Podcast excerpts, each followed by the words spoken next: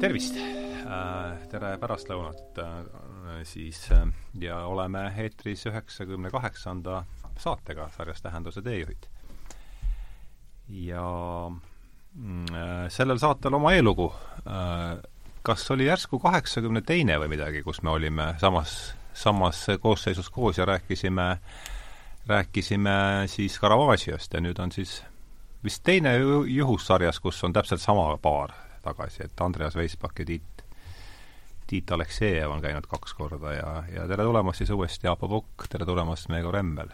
Te olete mõlema, Meego, oled juba mit-, kas sa oled kolmandat, vähemalt kolmandat korda? no me oleme teinud mõned neljandat saated, korda jah. isegi. ma ei tea, jah, sinu no Valust oli kolm saadet ja ma ei tea, kas millalgi oli veel midagi, et Valust oli kaks saadet, üks oli see saa-, üks oli see väljasõit meil sinna Peipsi ja Just, just, see oli ka veel, jah, vähemalt neljandat korda, kaks korda on Aapoga, eks, ja Aapo siis teist korda. Tänan kutsumast! jaa, jube vahva vestlus oli see juuli alguses, siis oli ju väljas suur suvi meil ja nüüd on, välja lähevad, saate lõpetamisel pime juba. no vot, ja, ja kuivõrd see eelmine vestlus oli tõesti niivõrd vahva minu arvates ja mulle tundus, et teie, teie olite sama meelt, et siis saime kohe ju, oli mõte, et jätkaks seda kunstiteemadel ja ja, ja et, et kolme, umbes kolme kuu pärast võiks selle juurde tagasi tulla, täna ongi vist kolmas, kas võis olla kolmas juuli järsku, kui ma nüüd peast, minu meelest oli kolmas juuli, täna-vähem ongi kolm kuud möödas sellest. ja, ja siis me rääkisime, eks, nagu ma ütlesin, Caravaggiast, kes oli, ja konkreetsemalt sellest Malist pöördumine tee, pöördumine teele Damaskusesse, et siis äh, ja, ja, ja tollest saatejärgsest vestlusest jäi siis äh, kõlama mõte, et järsku Meego võiks valida järgmiseks korraks kunstniku. ja sa valisid El Greco. et äh, noh, siit on hea kohe minna edasi küsimusega, et miks El Greco ja miks ta sulle Aapo küsis minu meelest esimeses saates, et miks Caravaggio plaanisin seda küsida just Jah. nüüd, aga sa, sa tegid paremini et miks Caravaggio mulle korda läks ja, ja, ja ma alustan samaga, et miks El Greco, Meego? vaata, vahel on niimoodi, et ega ma ei tea, aga aga ma mäletan seda vestlust, me istusime ju kolmekesi mingi kohvilaua ümber pärast saadet ja Ja ja.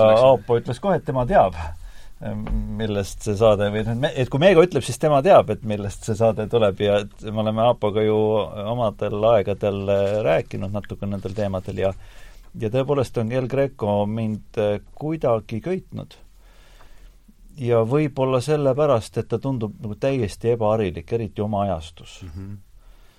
Aga mulle meeldib tema puhul ka nagu see sõnum, mida ta annab äh, oma loomingu kaudu kogu aeg edasi, see on see metasõnum nii-öelda, selline ülespoole sirutumine Mm -hmm. maailma nagu kuidagi selgitamine läbi nägemuse ja ja, ja mm, loomulikult, et kuna seal on nii palju kristlikku ainest, siis see on tähenduslik äh, ja iseenesest ka see ajast on täiesti erakordne, kuueteistkümnes sajand, arvestades seda, et ta tuleb tegelikult õiguslikust taustast, siis lõpetab sellisesse nii-öelda katoliku reformatsiooniaegsesse, eks ole, maailma, aga kõlab kaasa tulevikus hoopis protestantlikus kultuuriruumis ja nii edasi.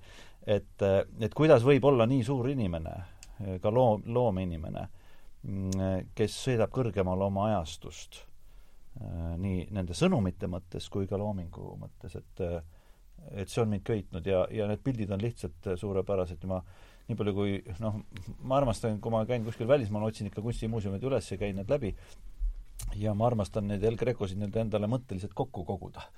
ja äh, minu viimane elamus muidugi oli New Yorgis äh, Metropolitan äh, muuseumis, kust on tel-, terve tuba tehtud talle või kaks tuba vist isegi, see mm -hmm. nagu eraldi värviga seinad kõik ja ongi El Grecole pühendatud muuseumi sektsioon et, et seda on tore näha jälle, et sellises nagu moodsa kunsti või, või suurte kunstimekkade juures on ka ikkagi, ta on täiesti eristaatuses kunstnik mm. -hmm. jah, nii palju sellest. sina ja El Greco? mina El, El Greco ähm, äh, erakordselt silmapaistev. tähendab, ta on äh,, ma, ma ei tea, kas ma julgen nii päriselt öelda, et kuni Meegoni kui me Kalju kirikus kohtusime kakskümmend aastat tagasi, et kuni Meegoni äh, ei osanud ma nii suurt tähelepanu osutada, et, et ta võiks nüüd äh, nagu välja tulla kunstiajaloost noh, erilisena just minu jaoks. aga vastust ma ei olnud veel saa-, ei ole veel saanud, et ma loodan, et tänane saade teeb selle vastuse meile mõnes mõttes, et et aeg-ajalt ma olen mõelnud, kui ma näen El Grecot, siis ma olen mõelnud, et ahah, Meego. Kas just täpselt nii, aga, aga, aga sinna, sinna kuul-, on kuulunud, sinna mõtte, mõtete juurde on kuulunud Meego, et ja siis mind on pannud mõtlema, et et, et El Greco on nii kange kraam. et, et et ta alles ju maandub noh, nüüd siin lähiajal on alles maandunud, viimase saja, saja viiekümne aasta sees on alles maandunud, küll teda on mõistetud ühte teistpidi mingitel aegadel ja, ja väga kohal olnud omas ajas. aga ta on nii kange kraam, et, et et kuidas üks noh, ütleme kirikuõpetaja, võtame siis, julgeb teda noh, armastada nii palju aegu hiljem ja, ja ja rohkem mõnes mõttes tundub, et võib-olla kunstivõtmega rohkem kui religiooni mõttega või need võrdselt toetavad praegu sinu sinule nagu kohale jõudmist, et El, El Greco. sest ma kunstnikuna, ütleme isegi, kui ma tausta ei teaks, ütle, ütleme nüüd ma natuke, natuke olen nina raamatusse pistnud, aga kui ma tausta ei teaks, siis noh, kunstnikuna, et teda lahti kodeerida, me ei saa ilma selle ümbruseta, me ei saa kuidagi mm. -hmm. ja, ja kui meil ka ümbrust ei ole, siis on ta kunstikeeles ka väga huvitavalt lahtivõetav, aga aga selleks on vaja nüüd kunstiteadmisi. seetõttu on ta, tuleb noh, tal on mitu lippu käes, millega ta tuleb nagu läbi Euroopa mm. -hmm. et, et kuidas sina temani jõudsid, ma lihtsalt niimoodi küsiksin veel niipidi ma arvan, et äh, minu äh, teekond üldse visuaalse mm, maailma juurde on toimunud läbi mõne väga äh, hea sõbra. sest ma tegelikult olen sündinud maailma, kus oli sõna ja heli. isa on mul pastor, sõna, mõtestamine, loogika, arutelud. mu ema ülimalt romantiline muusikuhing ja, ja kogu mu lapsepõlv, mu vend ongi muusik, lapsepõlv oli nagu täis äh, helikunsti, aga visuaalne maailm nagu oli minu jaoks suletud mõnes mõttes. kuni siis kuskil, ma arvan, ülikooli ajal jah, äh, ma julgeks nimetada ühe nime ka välja, tervitan Merike Rimm, mu hea ülikooliaegne sõber, tänaseni hea sõber, kes läbi semiootika ja läbi Tarkovski ja läbi niisuguste nagu visuaalsete kuidas öelda siis, mustrite, äh, viis mind tegelikult ka El Greconi. ja, ja ta eristub lihtsalt teistest. et võib-olla selline nagu asjaarmastaja kunstiinimene on noh, nagu asjaarmastaja kunstiarmastaja isegi, selles mõttes ma ei, ma ei tunne ju seda maailma lõpuks. E, et siis sa näed, et, et ta on teistsugune. ja täpselt sama on Caravaggiоga, et ta lihtsalt on teistsugune ja ta eristub, aga aga ma tooks tegelikult selle teatepulga nagu tagasi sinu enda juurde, Aapo, sinu loomingus on ka erinevaid äh, nagu Äh, no ma ei tea, kuidas öelda, valdkondi või žanre või keeli, ja üks on niisugused nägemuspildid, äh, mida ka võib öelda, et, et mis see siis on. aga selle taga on mingisugune narratiiv, mingisugune lugu, mingi, mingi tõesti selline visioon, nägemus, ja see lihtsalt lõpuks on nagu pildil. ja ma arvan, et El Greco puhul on nagu see ka hästi tunda, et ta äh, äkki on eelkõige nägemus inimene ja siis on alles kunstnik Äh, ja, ja paigutab muidugi ennast sinna ajastusse äh, jah. jaa. jaa, ei, minu lapsepõlv, äh, ema lastekunstikooli õpetaja, üle kolmekümne aasta Tartus olnud, tänaseni elus. hommikul helistasime, boiler vajas vahetamist. et saaks sooja vee tagasi talveks. ja ja lapsepõlves on siis varane renessansi suurmeistrid, mustvalge raamat äh, ja no sellest sa rääkisid eelmise aasta vist. ja hämmastunud, seal ma vaatan neid pilte ja hmm. ja sealt lähevad ja, ja, ja õnneks sattus, õnneks sattus selline ema ja õnneks sattus selline raamat. et mustvalge just, jah? ja mustvalge, mind vormistati siis äh, äh noh, kohtumiseks selle, selle raamatuga või selle informatsiooniga ja nii, nii, nii ongi tegelikult, et esimesed kohtumised, samas need esimesed kohtumised ei ole ka juhuslikud ja samas, kui nad ka oleks juhuslikud, siis äh, me märkame ikka kõige olulisemat kohtumist. ja, ja, ja lastekunstikolis Olav Prints oli niisugune äh, kunstiala õpetaja, tugev, äh, tugev pedagoog, liiga palju laste kunstikooli jaoks, üheksa kuni neljateistaastased lapsed, esimesel tunnil ladus hakkas kohe kahtesid laduma ja siis hakkasid lapsed õppima. ja nüüd kõik need teadmised, mis siis sealt said, minu ja, ja teiste, teistele, nende külge oleme pannud Metropolitan Muuseumi ja Prado ja hiljem kõik need asjad on seal riiulis, apralt ootab see esimene mustvalge raamat seal riiulis, selle juurde paned mõttes ja mõttes mm -hmm. ja mhm. mõttes uued asjad, ja niimoodi me valmime tegelikult mm. -hmm. ja, ja, ja kui nüüd lõpupoolt mind lahata, siis on enam ma ei pea seda saladuseks hoidma, aga eelmises saates see, seda, seda uudist veel ei olnud mida ma mõtlesin? ma vahel ma üliõpilastele ütlen, et praegu on see asi, mida ma mõtlen. ma, ma teile seda ei ütle ja nüüd ma räägin oma mõtte ära teile. ja, ja siis nad saavad kui mõtet teada. ja, ja oli, oli see, et mõtlesin, et miks nüüd mina olen jällegi selles, selles komplektis, et et mul ei ole aega, mul on need asjad ja need asjad ja mõtlema, nüüd ma lähen ja lähen. ja selle käigus korraga mu ellu tuleb äh, nüüd jätame lause pooleli, Meego ütleb mulle eh, ühel, ühel, ühel mu sünnipäeval, kus on suur näituse avamine, või oli veel mingil, mingil kohtumisel, et eh, parim maal on veel sündimata. ja, ja, ja ma näen, kuhu Meego mind suunab ja mitte ainult, eh, mitte ainult Meego, vaid miski veel.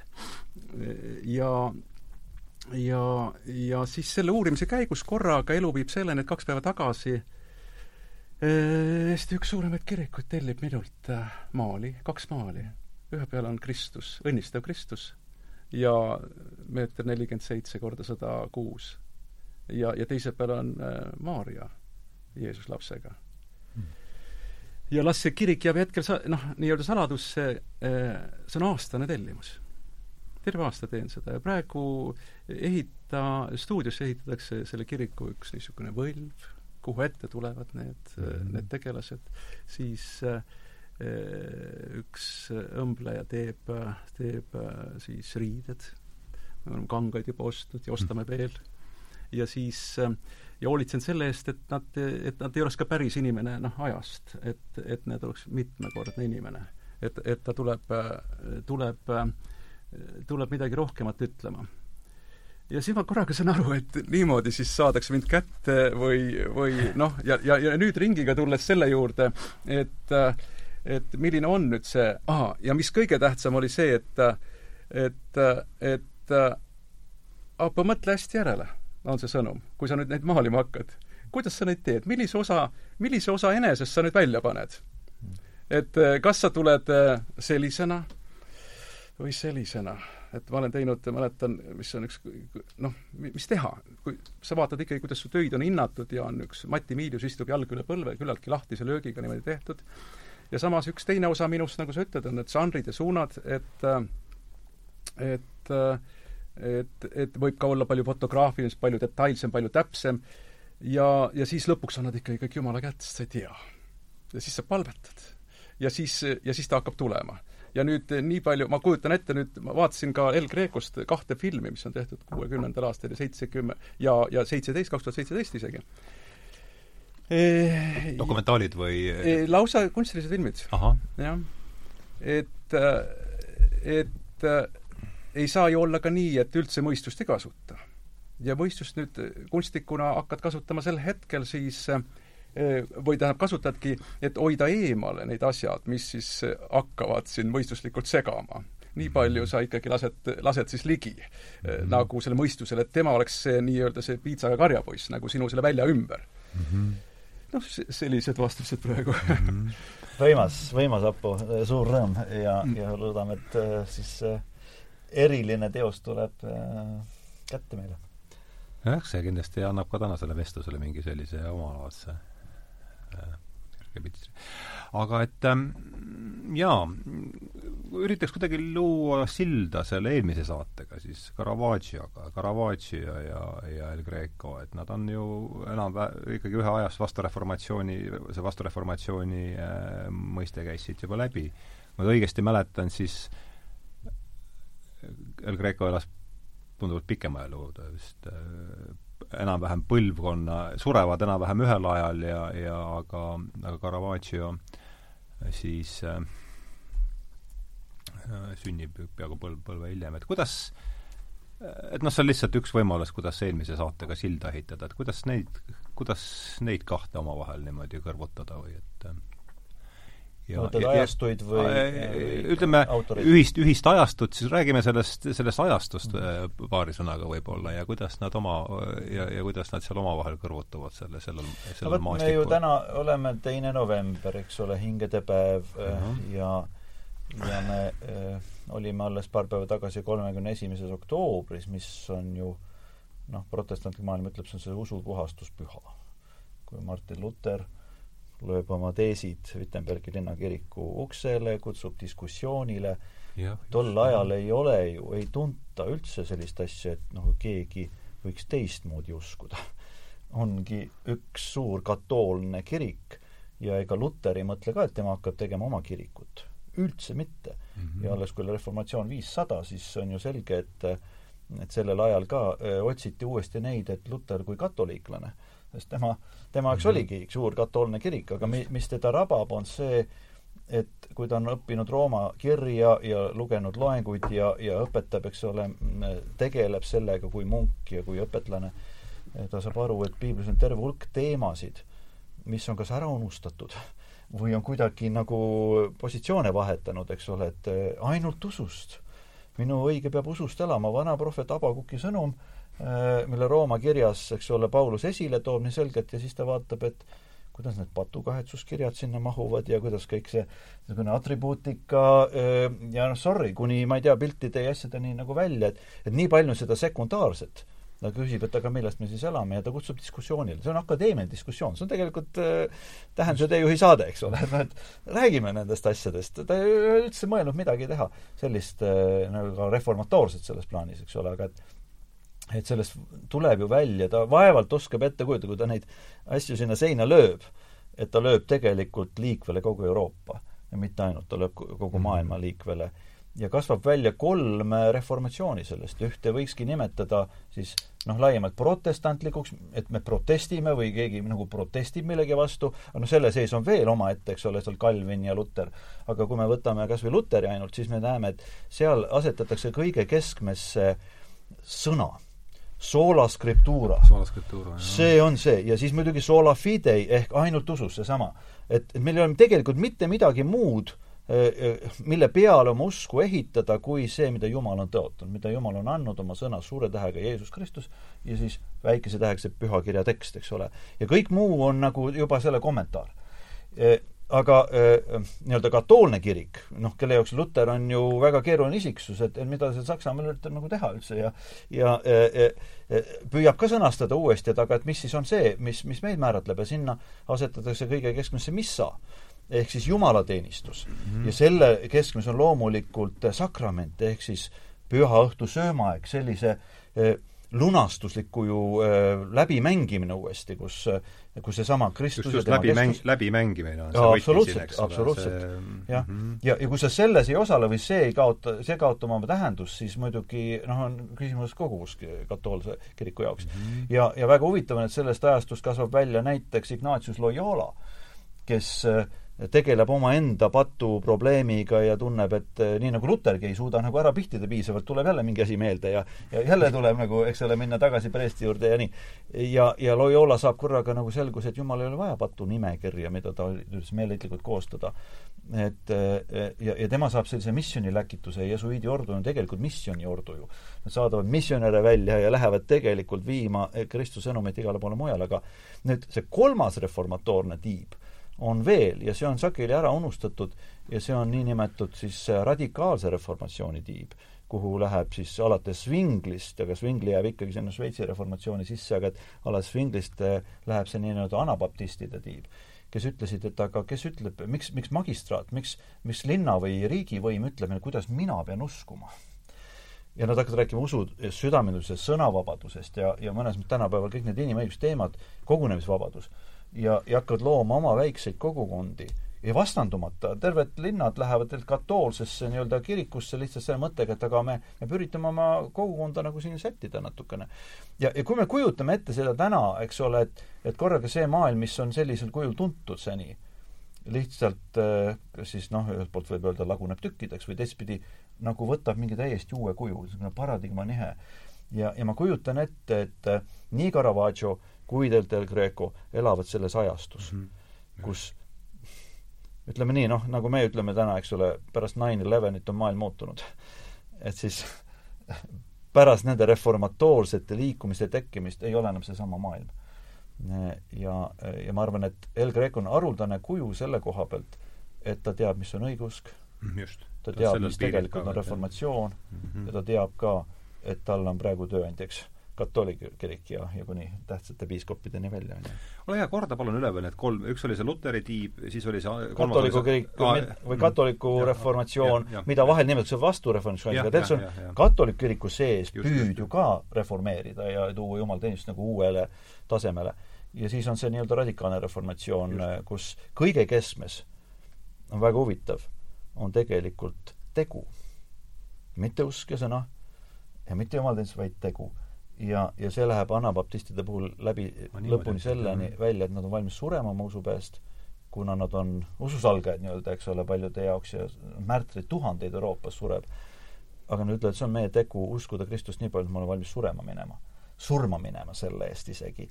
ja, ja nad samastavad ennast nii-öelda väga tugevalt Kristuse endaga selles liikumises, aga aga see on see ajalooline taust, kui sa seda küsid minu ja, ja see me, me, vabandust, Aabo, kuidas sina ei, ongi nii, ma nüüd jälgisin seda juttu ka äh, äh, pro-, proovisin seda jälgida nüüd äh, El Greco silmade läbi, noh, või selle vaimu läbi, kes, kes siis tuleb, kes tuleb Kreeta saarelt, kes on, tähendab, ja lõpuks see, see kuju võtmine käibki. tuleb Kreeta saarelt, siis ta Veneetsiasse, siis Rooma, siis Madriidi, siis lõpuks maandub Toledosse ja, ja need on noh, kaks ise kunstnikku, kaks ise ajastut ja, ja vahepeal ta kogu aeg ausalt sisekõnes ju otsib seda. ja mitte ainult, see on nüüd noh, usk, tegu ja siin on pilt. ega tema ei jää pildi kõrvale kunagi seletama. ta proovib kõike teha selleks, et, et aga ta ei tee seda ka, no küllap ka teeb ka teadlikult, sest et noh, ütleme, kui tema pilte on vaadeldud, siis on need noh, öeldakse ikkagi niimoodi, et need on kiirelt tehtud need on noh, mõnes mõttes nagu pinnapealselt tehtud, aga ilma selle sõna negatiivset tähenda, tähelepanu eh, panemata. aga, aga kui kujutada ennast tema noh, ateljeesse, tööruumi, siis, siis eh, selliste äkiliste eh, hoogudega eh, ja võib-olla ainult mõne kihiga tehtud et, et need ei ole niisugused, kaua seisab ja ma veel lihvin edasi ja ma saan vahepeal targemaks ja siis teen pildi ka targemaks ja, ja, ja see liigub siis käekirja pidi, noh näiteks, ja osad asjad ka säilivad, ega ta täiesti ju maha ei jäta. et ütleme, kui ta Kreeta eh, saare peal saab ja kusjuures ta aga on, on olnud ka suur mõtleja, ta on äh, siis äh, kreeka keelt, retoorikat, noh, rääkimata ajalugu tervikuna ja Greta Saar ise on olnud tõlkekeskustena läb-, kõikide usundite jaoks seal, nad on olnud koos sellisena noh, Veneetsia samamoodi, kutsutud jah, Veneetsia tütreks, kõikjal on need Greta Veneetsia tütar, jah? jah, on ta on Veneetsia osa ta oli sel hetkel Veneetsia all, all, jah ja nüüd aga käekirja juurde tulles, et, et, et mis on seal säilinud, on see, et kui, kui nüüd ütleme selles äh, ikoonimaalis, mille ta täielikult omandas ja meistriks teda kutsuti kuni vist kahekümnenda eluaastani. aa, tal on see ikoonimaali traditsioon all, täiesti ole, isa kaupmes, kui ma nüüd mäletan õieti, ja, ja, ja no öelda sunnitud sellesse ametisse, et, et see on kindel ja, ja ja noh, ma, ma siin ütleks, et ikooni kirjutaja on õigusudeoloogia seisukohalt, nii palju kui mina sellest aru saan, kõrgemal tasandil kui preestri seisus. et et sa teed tegelikult akent taevariiki. täpselt, ja sa kasutad õieti sõna kirjutama, et just, just mitte, et ikooni maalija. ja, ja kui ta on selleks koolitatud ja seda praktiseerinud, siis ta tegelikult on vaimulikult väga kõrge nii-öelda autoriteediga. jah.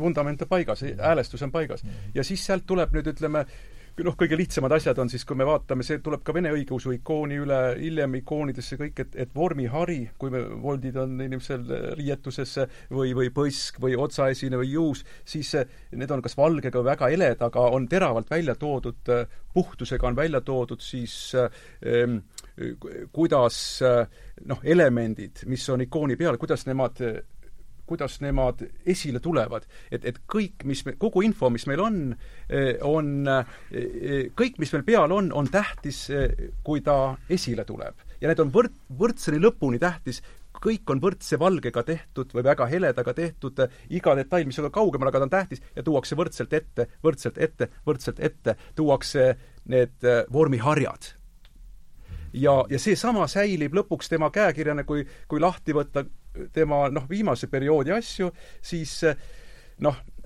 me võime ütelda, et siis kui, kui, kui vaataks teda inimesena, kes üldse pole varem teda näinud ja natukene noh, kunstiajalugu näeb, siis vaatame, et värvid on kadunud. kui on, siis on see külm koloriit, kui on, siis on noh, nii-öelda, kasutame seda sõna väga jõhkrad, tugevad, esile tulevad ja kindlad värvid ja muidu ta on justkui nagu mustvalge ja, ja justkui koloreeritud, ütleme tänase pilgu koha peal, mis me tänase tarkusega oleme, koloreeritud mustvalge foto koloreeritud mustvalge eh,. ehk siis me jõuame sinna, kus tema ju oma käekirjas, kuidas ta selleni jõuab, ta, ma kujutan ette, mida ta võib mõelda, on see, et no vastu reformatsiooni siis noh, lipulaevana ta läheb, tema, et, et kuidas ma vabastaksin kõigest üle, ülearusest oma äh, oma, oma teosed. ta justkui tahaks nagu ringiga uuesti, ringiga uuesti Kreetalt tulles, ringiga uuesti luua ikooni aga nüüd siis tänasel inimesel tänaste vahenditega palju suuremalt ja nii, et ta on ka ise osaline olnud, aga tohutu aususega seejuures mm. -hmm. ja, ja tulles nüüd selle meie eelmise saate ja selle Caravaggio juurde, siis kuskil on nagu see paralleel toodud, et võtame selle eh, Paulus eh, siis teel Damaskusesse kukub hobus sellest maha, see valge hobuse tagumik seal ja kõik see, mida me eelmine saade nägime, võtame selle silme ette praegu ja, ja kas või samal ajal tehtud, ütleme siin on eh, Püha Franciscus on siin siin, siin peal, ma ei tea, kas see on näha, jah mm. -hmm. ja, ja sa mõtled nüüd seda si siin, jah mm, -hmm. seda. seda, jah mm. -hmm. ja on samal ajal ja. tehtud ja nüüd, ja nüüd tekib küsimus, et äh, kui tema oleks, ja et kui tema, kui El, El Greco oleks jäänud Veneetsiasse, siis ta oleks, ütleme nii-öelda ajaloo mõttes, igal juhul läbi põlenud. ta oleks jalgu jäänud barokile, kes tuli väga jõuliselt kaasa. ta pidi eralduma sellest. jumal ütles talle eraldu. talle tellimused kukkusid läbi suurte tegelastega seal äh,, krahv Farenese oli vist see, et, et ja, ja Roomas muidugi ta selles mõttes noh, allikad ütlevad, et ta ei osanud ka suhelda, ta ikkagi võttis kõige, kõige kangemal, noh, nii nagu sa saate alguseski ütlesid, kõige kangemale võttis seda kriitiliselt siis mainida seal, et tema maaliks selle Sixtuse kabeli üle, see laemaali üle, et see on Mihkel Ansilast juttu. aga ju võtame niimoodi, et kui palju on ajaloos neid, kes samamoodi ütlevad ja sellest me ei tea midagi. et, et jõud on taga ja jõud saab ka teoks. ja, ja tal noh, ilma sõnagi lausemata rohkem ei ole tal sealkandis enam suuri tellimusi et nojah, vaata ju... ega see Sixtuse kabeli ülemaalimine seal toimub ka, eks ole, ja ta pakub oma variandi välja, et noh, et tegelikult see on nagu püüd mitte ainult endast jälge jätta, vaid tegelikult öelda, et ma suudan enamat või ma tegelikult pakun nagu oma parimat välja. ma näen järgmist aega. tööd ei pakuta, lõpuks öeldakse, kuule poiss, sest ta oli ju noor kutt mõnes mõttes sellel ajal ka. Et siis, noh, siis ei olegi midagi teha, tuleb minna sealt ja noh, mulle jäi seni kuuldust jäänud kõlama see mõte, et ta ikkagi üritab seda ikooni siis uut, uutes oludes äh,, ikoone uutes oludes ja, ja selle vastavale kultuuri kontekstis uus, ümber, ümber kirjutada ja ja see ikoon nagu on siis õigeusu, õigeusu teoloogias, ma saan aru, on see aken transcendentsi põhimõtteliselt, saan ma, no nii, nii, nii vähe, kui mina sellest aru, oled sa nõus? selle ees ju palvetatakse. Ja ütleme nii, et tegelikult mm -hmm. noh, me ütleme selle ees, aga selle läbi, sest see, mis sinna on kirjutatud, see püha või pühak või et tema aitab mõtestada, mis on tegelikult päris, mis on see igavene, mis on, mis on see, mida Jumal teeb ja ma olen siin oma maailmas, eks ole, teise akna taga, see on selline Windows, eks ole, just, ka, et ma klikin ja tegelikult ma saan täitsa uude maailma selle kaudu, et täpselt samamoodi on õigusideoloogias ikoonil oma koht. näiteks To- Toledos, kus ta on nüüd see raamatu kaane peal mm, -hmm. teos ei ole tervikul näha, on see, See on see eh, graaf. Ortese matus ja, ja, ja siin noh, näiteks ühes filmis on siis niisugune hetk, võib-olla see taas-, on kuidagi taastatud, see hetk, ja et siis tellijad, üks nendest tellijatest siis, kui maal on valmis, see on nagu nendele kõikidele, kes siin on, nendele nagu see üllatus. ja seisavad ja vaatavad siis seda. ja siis tuleb, ütleb, et see ük-, üks nendest tellijatest tuleb, ütleb siis El Grecole, et et see on päriselt hirmutav, et tegelikult oled sa ju maalinud meie linna kodanikke. aga kui ma siin vaatan, nad on pühaks saanud. mm. -hmm. et no pluss veel, mis siin Ja, üleval on, eks ole, et see on see, et et seal on korraga sellel pildil nii äh, maine see on kas taevane. tema, siin ta saab valmis, ütleme niimoodi, on, on nagu öeldud, maal, maandub Toledosse ja ta, ta jõuab nagu koju, kõik saab kokku. ja ta on piisavalt ka eemal nüüd ütleme, nendest suurtest jõu- ja tõmbejoontest, pealinn on Toledost ära kolinud, Madriidi, seitseteist aastat enne, enne tema saabumist sinna. pealinn oli seal enne? jah. Mhm. ja, ja, ja see on vana ja rikas eh, koht, aga, aga ta ei hakka võib-olla nii silma. noh, mul, ma lihtsalt ise praegu, mulle tundub nii, ja talle nagu tekitatakse niisugune rahulik jumala seljatagune, kus ta saab nagu vaikselt valmida.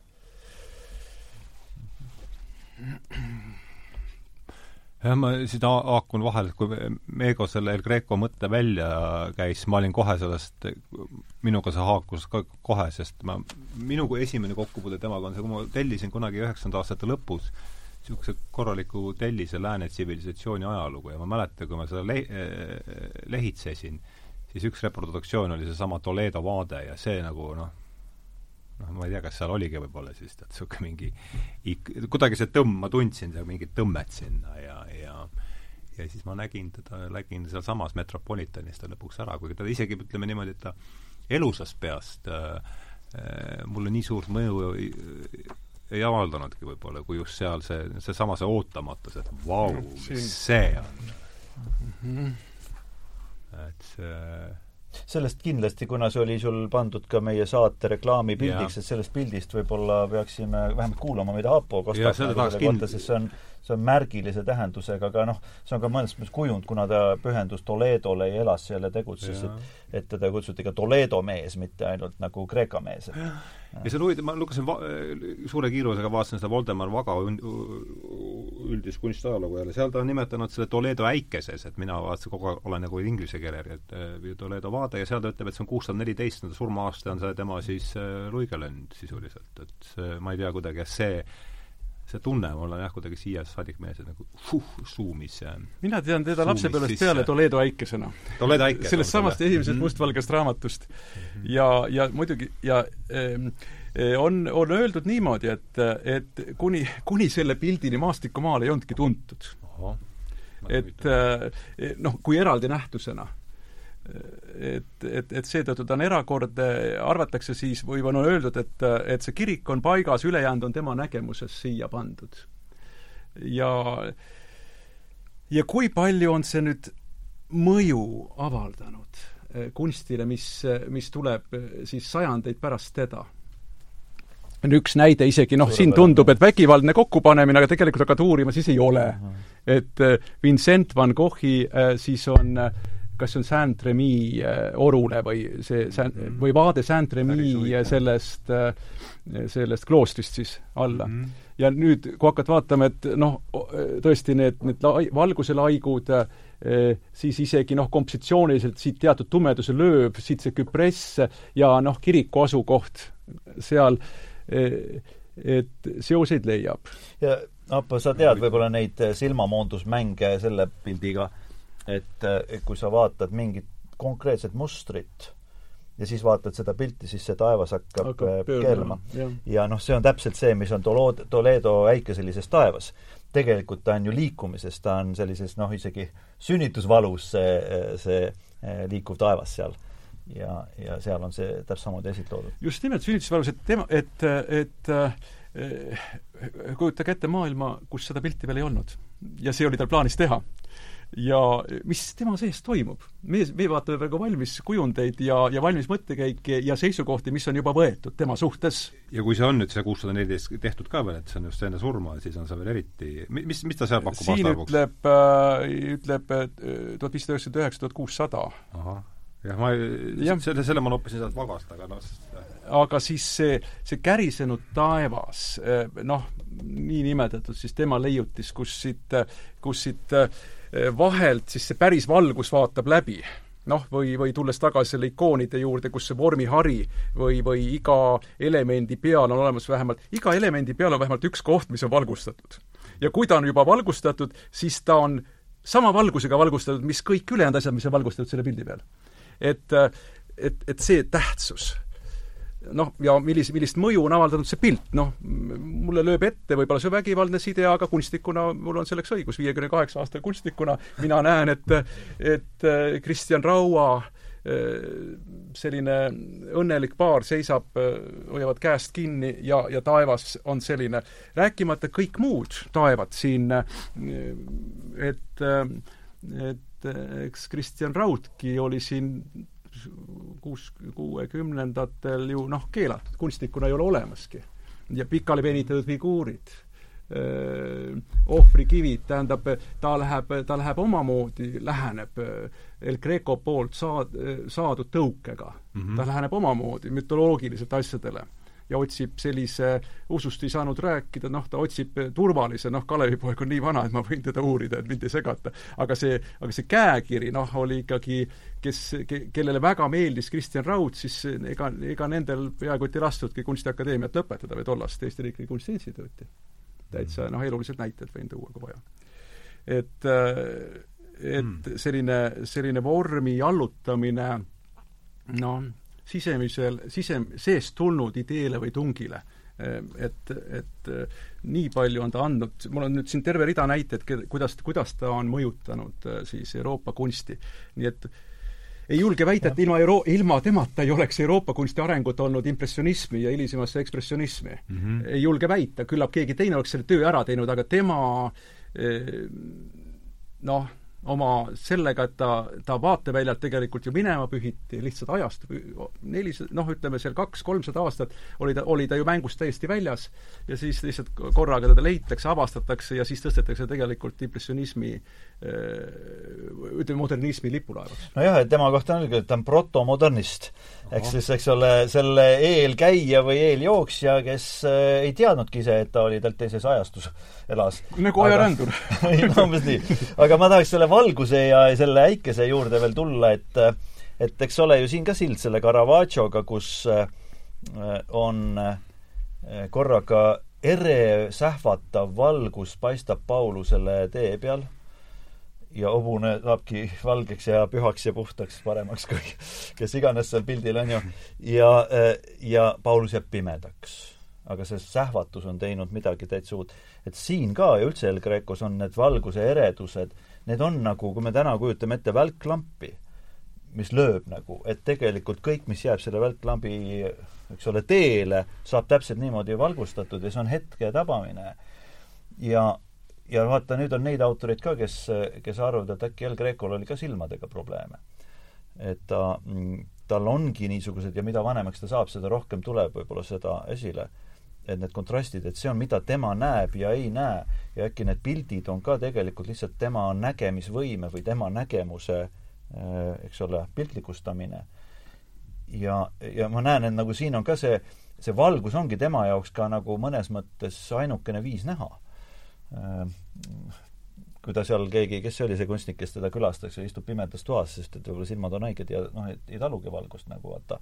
aga siis sa oledki seal. jah, seda ma lugesin ka, et talle meeldis ja, hämaras, hämaras töötada. jah, et aga et valgus on ainukene viis näha mm. -hmm. ja veel astmahaige ka veel, et aga noh, need on erinevad, erinevad allikad ja kuskilt noh, ma ei tea, kui palju ta nüüd siis kirikus võis maalida, aga, aga noh, ju tol ajal maeti kiriku põranda alla ja siis on noh, väidetud siis, et et need laipad ja need lõhnad ja orud, mis sealt tulevad, et noh, kõik see on tema tervist rikkunud.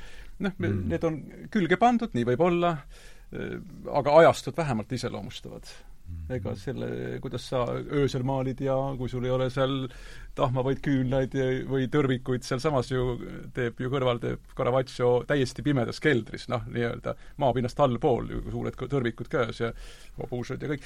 kus, aa, tuleme veel valgustuse juurde, siis aga jah, kui ma veel ja, selle pildi ja, kohta ja. nagu ütleks, et ma arvan, et, et see oli üks esimesi pilte, mida mina ka nagu noh, vähemalt silmasin siis, eks ole, mis köitis mu tähelepanu El Grecot ja ma olin noor poiss siis veel aga et, et ma, ma arvasin, et see on maailma lõpupilt.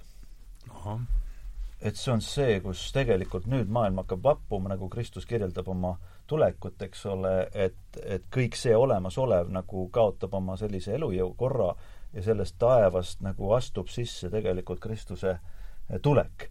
ja see on verelerv valgus, see on, see on täielik kirkus ja, ja ma arvasin, et see on see, siis ma hakkasin vaatama, ei, ei noh, see on lihtsalt üks Toledo pilt aga et mõnes mõttes sünnib selle pildiga ka tõepoolest mingi uus maailm, uus maailmakord. on kirjeldatud veel, et, et see on nagu Kristuse e, e, e, näorätik olnud, et, et, et jah, et, et see taevas, et sellisena avaldub see, tuleb välja aga nüüd sa tahtsid ei, ei, ma tahtsin öelda seda, et valgustusega seoses ja selles pimedas ruumis maalimisega tegelikult mis siis, mis tol ajal tehti, on see, et tegi e, ega El Greco ei olnud ainult, ainult maalikunstnik, et ta oli kujur, eh, arhitekt, eh, kus ta teeb ühe üks suurem tellimus on tal äh, terve, terve, terve tiib on nii-öelda ja see on kullast, tal on sellised kolm, kolm-neli suurt maali on ja siis, ja siin on kullast sambad ja gregurid ja kõiki ta peab tellima töömehi ja sealt, ja sealt peale tekib tal see, et ta teeb oma,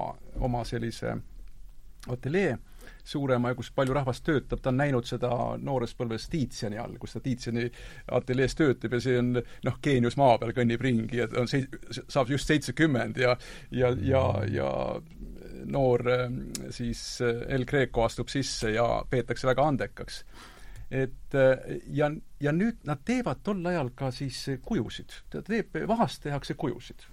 Äh, ja need valgustatakse siis kas küünlaga ära, pannakse need objektid täpselt ette, need El Greco maali on siis vaadeldud, et et näed, see üks ja sama kuju öö, oma, oma noh, asendis on teise maali peal teistpidi pööratuna olemas ja, ja siis on peaaegu nagu suudetud eh, need tagantjärele eh, siis eh, kirjeldada, milline tema kujude komplekt oli.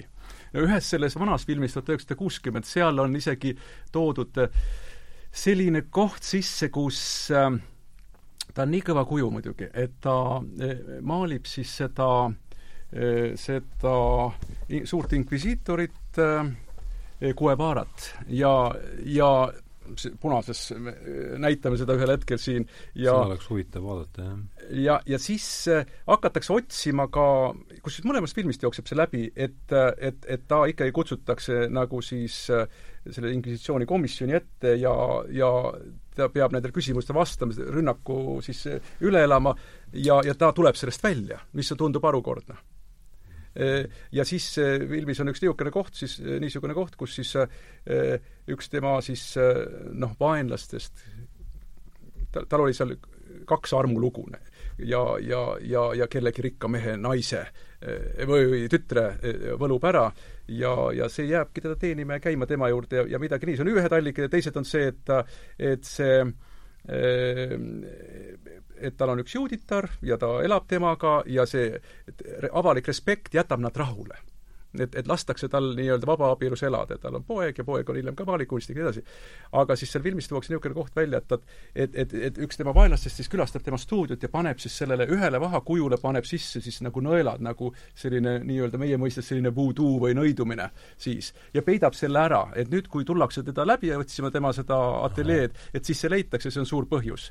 Aga kuidagi see leitakse varem üles, aga ta kutsutakse küll sinna inkvisitsiooni kohtu ette, aga ta on, ta on nii suur mees ja nii õpetatud, ja nii tark, et ta, et ta suudab nagu vastata nendele küsimustele. noh, kas hüppame näiteks selle teema peale, et kus ta, kus, kus on see Kristuselt selle riiete röövimise mm. Eh, pilt, kus punane, punane see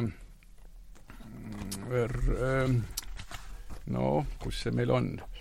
Ja, ja igal juhul siis heidetakse talle mitmeid asju ette, mis läbi jookseb nüüd, on see, et et miks osa siis äh, inimesi on kõrgemal Kristusest, noh, pildi peal.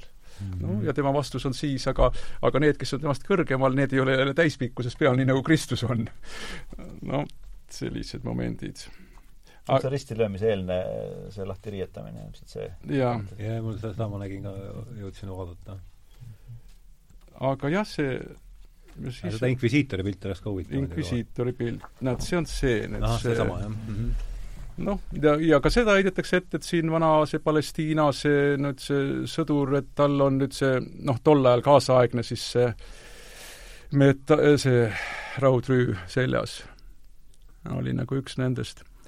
Ja ja see, et ei tea ka, et siin on nagu liiga palju neid, neid simaariaid, et kui ka üks on Magdalena, siis kes siis veel on, et mingi niisugune asi oli. aga see motiiv ja nüüd see lugu selle pildi taga on milline, mis see, mis see teoloogiline noh, see on see, kui ta lüüakse risti ja siis tegelikult ta võetakse ju noh ah,, peaaegu alasti, ütleme ja, niimoodi, ja ja, ja see on nende, see riie ju see ühes tükis evangeeliumi jutustab ju sellest, et see tegelikult lõpuks nagu loositakse, et kes selle saab sõjameestest, kes siis, eks ole, ta ta risti löövad ja risti löömist valvavad või seda ristil olemist valvavad mm. -hmm. no ja siin on nüüd see kardinal äh, Aha. äh, Fernando Nino de Guevara ja äh, eks ta olevat siis vihastanud, kui ta seda pilti oli näinud äh,, ja, ja ajaloos on siis imestatud, et kui inimlikuks on ta siiski suutnud selle näo teha ja veel erakordsena, et võib-olla esimest korda üldse kedagi prillidega maaliti. noh, et niisugune. aga, aga siis seda on, ta, ta ei ole eh, suutnud varjata seda kõike, mis ta on tundnud, seda te-, eh, mida ta on teadnud ja, ja seda sisse tahtnud panna, et et pool pilti on siis niisugune kord, ja teine pool siis peaaegu niisugune põrguleekides, niisugune tohutu kirju, rääkimata kogu sellest eh, nii elavaks maalitud, sellest, sellest pinnast siin, ja üks käsi, milline on ja milline on teine mm, -hmm. et eh, ja, ja see inkvisiitor ju samamoodi, ega ta noh, eh, elas inimesena ju ise isiklikult ka ju tohututes raskustes ja kahtlustes ja, ja keegi peab see verstapost olema. aga, aga need sisevõitlused ja ja küllap ka nendel oli vestlus, see on kohati isegi vist istu-, istus seal tema ees. et et julge tükk veel siia paberilehe peale alla veel kirjutanud ka, et mina, El Greco, maalisin selle või mis seal on siis täpselt. et see oleks nagu pudenenud tema käest siia, et no nii, see mees on ka meil äh, kirjas. see on väga huvitav, sest sajandaks saateks mul on praegu plaanitud teha vendadest Karamazovitest äh, juttu ajada. suur inkvisiitor. ja seal on ju suur inkvisiitor, on ju see üks romaani fookuspunkt üks vähemasti kindlasti. aga jaa, siin on nii palju huvitavaid niidiotsi, mida, mis on juba läbi käinud ja mida võiksid edasi sikutada, kindlasti see side ekspressionismiga on nüüd üks, mis tahaks äh, tahaks tuua sisse, aga aga kui sa rääkisid siin sellest, ähm, tulla veel korraks tagasi selle ajaloolise tausta juurde ja, ja see reformatsioon ja vastureformatsioon, et et need reformatsiooni, me oleme seda siin ka oma kursustel rõhutanud, et see sola scriptura, sola fide, aga see sola gratia, et kas sa sellest äh, anna sellele ka palun, sa käisid need läbi natuke juba, eks ole, selle, mis puudutas sola fidet ja sola scripturat, et kas sa sola gratiale ka suudaksid anda siin, kui kasutan jah. seda võimaluse ära lihtsalt? no ütleme nii, et äh, et mis seal see probleemistik on? võib-olla see ongi reformatsiooni olemuses, et äh, ütleme, kui me läheme isegi tervesse religiooni lukku, siis me märkame, et selline üks põhimustreid, mida me religiooniloos näeme, mis on ühe tavainimese peas ka võib-olla, et jumalaga käivad asjad või jumalatega käivad asjad äh, nagu kaup kauba vastu. teine mhm. teine vastu. -hmm. mina olen piisavalt hea inimene või ma palvetan või ohverdan või käin ka kirikus või teen palju head ja siis selle tulemuseks võiks tegelikult Jumal mulle ka midagi anda ja see on traditsioonilistes usundites niimoodi, tegelikult see idamaistes usundites no see on niimoodi. see on kogu ohverdamise, eks ole, ju ja, alu, alusmõte, eks ole. turumajandus selles mõttes, eks ole, siis no lihtsalt, et mis on see vääringusüsteem ja kuidas ma selles valuutas suudan nagu võimalikult palju teenida Just. ja nii. aga see, mida Luter avastab, ongi, et äh, meil ei ole tegelikult midagi Jumalale pakkuda mm. -hmm. Jumal on lihtsalt nii palju suurem ja see on tema enda läbi põlemise koht, kus ta üritab siis vähemalt pihil käia ja pihisakramenti täita ja siis tegelikult neid lunastustegusid teha, eks ole, või sellega andestustegusid ja siis nagu saada see õigeks ja saab aru, et tegelikult ta ei suuda mitte kunagi saada õigeks. omal jõul. jaa. et ei ole mitte midagi omalt poolt pakkuda ja siis ta avastabki selle, et minu õige, ütleb Jumal vana Habakukiga, minu õige, see, kelle ma olen õigeks mõistnud, et tema elab lihtsalt usust. et see on nagu see väike laps, kes ronib oma isa sülle, kel ei ole isale mitte midagi omalt poolt pakkuda, et teda armastataks. või et talle andeks antakse vaid et see on arm. arm on teene, mis meile saab osaks lahus meie teenetest või arm on väärtus, mida me ei teeni välja, eks ole. kusjuures vanades Eesti piibli tõlgetes, kõige algsemates, puudub selline nimisõna nagu armastus keeleteadlase Karl Pajusalu peale toetudes, siin ma võin muidugi eksida, aga mul on meeles tema eh, vestlustest, et, et see on nagu hilisem tuletis, et, et armastust on käsitletud ka vanas eesti keeles ja meeles kui kingitust ikkagi või kui saavastus, et noh, et näed, et et keegi lihtsalt kingib mulle midagi, noh, sealt äh, palju mõtteid. aga et see sola gratia ongi siis see, et et kuna Jumalal on nii palju armastust või seda armu meile osutada, siis meil tuleb lihtsalt see usus vastu võtta et siin ei pea midagi omalt poolt saavutama ja noh, see kõlab revolutsiooniliselt, kogu sellise jälle ohvrisüsteem, mis on siis selleks ajaks, eks ole, Rooma eh, kirikus üles ehitatud ja, ja olgem ausad, ega samamoodi on see õiguse taustas ka, aga et, et korraga nagu tundub, et, et seda kõike tegelikult ei olegi vaja, vaid tasub lihtsalt uskuda ja usaldada. et see käib eh, sisuliselt suhte peal, mitte, mitte midagi muud aga kui ma eh, kasutan lihtsalt võimaluse, kuidas Calvin sealt edasi läheb, see on lihtsalt, te nüüd ei haaku otseselt sellega, aga kuivõrd siin eh, see teoloogilise mõtte, et kui minu jaoks Calvin on eh, selles mõttes keeruline isiksus, et ta on tegelikult jurist oma hariduselt, eks ole, ja kõik. Mhm. ja tema hakkab teoloogiat tegema nagu jurist. ehk ta jõuab tegelikult täpselt samasse punkti tagasi, ringiga muidugi, eks ole, kuhu äh, me näeme olevat jõudnud Vana Testamendi, kus on koodeksi moraal mm. -hmm. ja Jeesust heidetakse kogu aeg talle ette seda, et see koodeksi moraal, sa rikud seda koodeksi moraali, aga Jeesus ütleb, et äh, vaadake sisu, mitte ärge vaadake vormi. see on väga huvitav, et tema läheb ringiga taga jaa, Kalvin on esimene, kes, kes saadab märtri surma teistsugused protestandid. kujutage ette nagu seda, et reformatsioon ütleb, et nagu seda kõike ei tohiks teha, see inkvisitsioon on kõik jama ja Calvin oma juristi niisuguse loogikaga jõuab sinna välja taga, tagasi, et õige riik, õige linn, õige ühiskond peab kaitsma teise usuliste eest ja, ja kui keegi ei kuula ikka sõna, siis välja, eks ole. Äh, äh, Luteris on nii palju nagu jultumut sellist noh, võib-olla nagu saksa niisugust nagu ladevust võib-olla ka selles, et noh, et ma võtan selle vorsti ja söön ja polegi häda nagu midagi.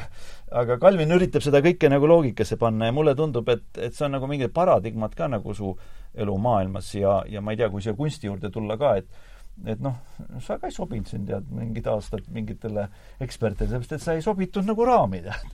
Ja, ja ega El Greco ka ei sobitunud oma ajastus äh, teatud raamidesse no jaa. ja läks inkvisitsiooni kohtu ette. jah, ma mõtlen, et mis, jah, milline oleks täna see või noh, milline oleks tänane etteheide näiteks kunstnikule, milline see võiks olla, me ra, El Gre-, El Greco pani aluse sellele, et kunst, noh, ütleme kaud-, nii, nii suure kaarega, et me saime kunsti ära lammutada. ja nüüd, et kuidas me selle kokku tagasi saaksime panna. ehk siis kaugemale ei saa enam minna. Kujundkeeles, visuaalis, noh, vaim jäetakse kunstniku poolt äh, kaunis kodutuks, ütleme noh, tänapäeval noh, tervikuna võttes. et, et, et ma praegu jõuan, mul on siin terve kogu neid, kuidas, kuidas ta on impressi-, impressioniste mõjutanud, millised paralleelid on, aga keegi nendest noh, arvatavalt ei äh, lähene sellele, kuidas ta startis, äh, milline on see sõnum, nad võtavad puhta pildikeele kaudu, et, et va-, vaata kui hämmastav. kus noh, seda ei saa ka ette heita, kõik me oleme erinevad, et kui Picasso võtab äh, ta on nii vaimustatud äh, äh, äh, El Grecost, kuueteistaastase poisina teeb ta mitmeid portreid, uurib seda kompositsiooni ja isegi ühele joonistusele kirjutab peale mina El Greco. teeb ühe joonistuse niimoodi.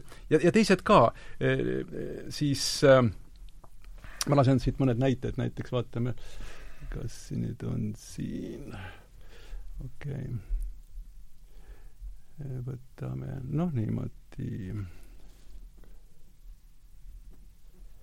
okei okay., panen kohe suureks üks moment, võtame, ei, ei saa, võtame kõik siia alla.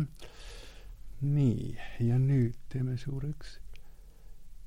ma toon mõned niisugused näited ja, ja ütlen, miks ma neid nagu siia tõin lihtsalt siit läbi liikudes, et siis ei pea nagu eh, ükshaaval pilte hakkama otsima mm. -hmm. siin mulle lihtsalt taust kui seesama Toledo eh, on, on, jah, ja, ja, ja selline jõuline eh, noh, süm-, sümbolism, mis noh, millest võis olla tõesti Kristjan Raud vaimustatud siin juuksetukk või, või, või see või see taustaosa, siin täiesti, mida ei teata üldse, et, et El Greco tehtud on, see on selline noh, nii-öelda tema see juutlik taust, arvatakse, et ta võis juut olla, et tegelikult kogu noh, juutide väljasaatmine mitu aasta, sada aastat varem siis Kreetalt hakkas, hakkas temas, temas nagu mingi asi on seal kogu aeg, kogu aeg seal sees.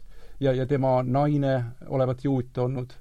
et, et noh, mis, mis tahes, et tegelikult ähm, need on äh, Need, kusjuures need on väga sõbralikult koos olnud, juutlus äh,, õigeusk, õigeusk ja, ja siis äh, Muhameedlus sealsamas, sealsamas ühe saare peal ja nii, ütleme Kreeta saare peal -hmm. et, et et on võimalik sõbralikult eksisteerida. sama aga on... ütleme lihtsalt siia vahele, et, et tegemist on kolme suure ja võib-olla ainsalt kolme suure monoteistliku religiooniga, kes kas võivad vastanduda oma erisuste tõttu või võivad leida, et me tegelikult ajame ühte sama jumala asja, on ju. noh, ütleme teatud erisustes loomulikult, aga et et meil on tegelikult ühe sama jumala tunnetus, ühe suure looja tunnetus ja ja ma arvan, et sellistes rahumeelsetes aegades me näeme, et see on elanud väga pikki perioode veel niimoodi kõrvuti rahulikult. no sorry, ma jah, ja kui tahtmine tülli pöörata, siis on sealt kohe võtta alati, alati materjali lõputult kohe. nagu väärikas perekonnas, et kui ühte asja ajame, siis meil läheb tohutu hästi. aga me oleme nii tugevad, et, et kui me riidu läheme, siis läheme kohutavalt. et, et kas see oli Toledos, on näiteks täiesti tundub hämmastav, et Kristuse valguse mošee niimoodi, kui sa guugeldad sisse, siis, siis näed, et selline asi on olemas. ja sein-, seina peal kirjad, et kristlast sa ei tohi puutuda. noh, ja siin on nüüd see juut-... mis, mis teos see nüüd on? E, see on nüüd äh, tehtud, tähendab, imekspandav on see, et ta on nüüd, see on teos, mis on ideaalsest noh, kogudusest kuidas on need äh, palvemajad siis pandud ja nad on juudi selle, selle lambi äh, jala järgi siis tehtud, need arud ja kõik niimoodi, et selline selline teos. noh, siin on nüüd, kuidas Aha. ta on mõju avaldanud siis täiesti äh, Matisse. Matisse, jah tuleb ja teeb sellise, sellise mm.. selle kohta ju see oma raamatus, see on eesti keeles ka olemas, see Ramon Gomez de la Serna, ta ütleb, et, et see käsi on nagu liiga kramplikult siin, et ta vist pidas mingi loengu isegi selle kohta, et, et ta ei läigi praegu mm. -hmm. tegi selle käe nagu äh, vabaks siit, et ta pidas loengu, siis see laseb käe alla mm. -hmm. et, äh, et see on ka huvitav. ja see tuletab mulle meelde, kus Võlu, Võlumäes Ants Kastorp kuidagi arutleb seal selle surma üle ja tal tuleb just see Hispaania see kõva krae, et, et kuidas ta surma ja seda, sellega kaasa seda väärikat surmaga kaasnevat väärikust ja sellist tõsist gravitast nagu kujutab, et siis just läbi selle Hispaania ja selle ma kujutan ette sellise krae, nagu seal on. siin on kuskilt on toodud ka niisugune paralleel, et ta oli Cervantesega kaasaegne, Don Quixote.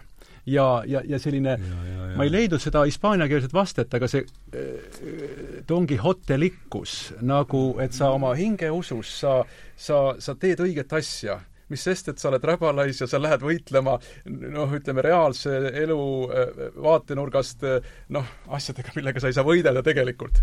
aga, aga sa ühendad ära selle vaimse ja sinu ümber oleva materiaalse maailma ja selliseid äh, rüütleid, sügavas niisuguses visioonis olevaid rüütleid, vot selline ajastu. ja sinna satub nüüd siis ka El Greco sellisena, olles justkui ka seesama et ma, ma olen küll üksi, aga ma, ma teen õiget asja, sest ma tean, see on, see on siin sees mm. -hmm.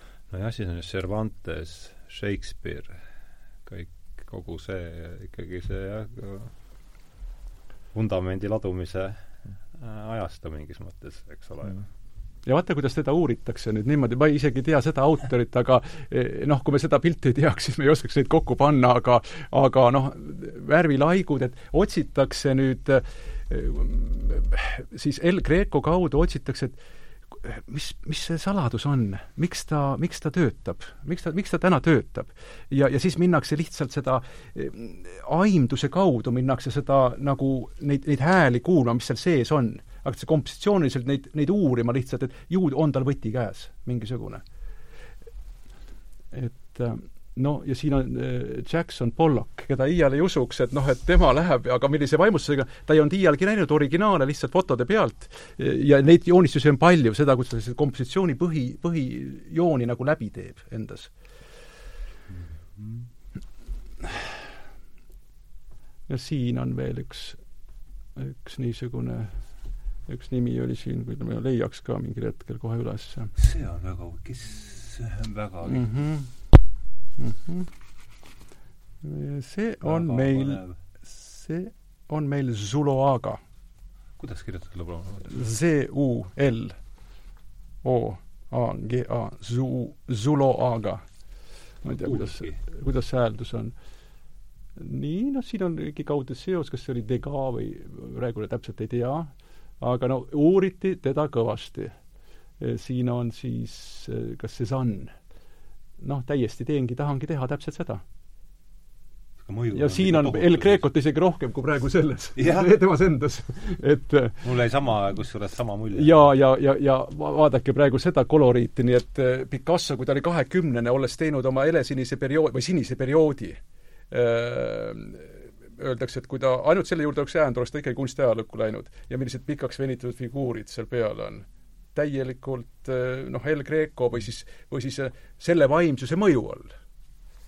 avastatud El Greco mõju all. võtame veel, mõned veel, siin on nüüd see Kristusele, eh, Kristuse kummardamine või siis see, Philipp teise unenägu, mille ta, ta tagasi lükkas. niimoodi siin mm., ta ei ole nüüd päris see, aga muide selle teose kohta on öeldud, et noh, et et noh, ei, ei anna parema, heatahtlikumat inimest leida selle, selles pilgus, mis sealt vastu vaatab. et kuidas see on võimalik niimoodi edasi anda? aga kes see on äh...? täpselt praegu vastuse võlgu. aga siin on see kubi-, kubismi, ütleme, noh, eks ole, joon, mis tuleb, äh, ka öeldakse ju, et tegelikult on kubismi isa nii-öelda. jah ja. no,. näed, see on nüüd see äh, see oma riided annab siin, Martinus, Martinus ja käristab lõhki oma selle mantli ja mm, ja, ja paneb ta muidugi kaasaegsesse, tollal kaasaegsesse, eks ole, sellesse kraesse ja ja ja siin kõrval Picasso siis.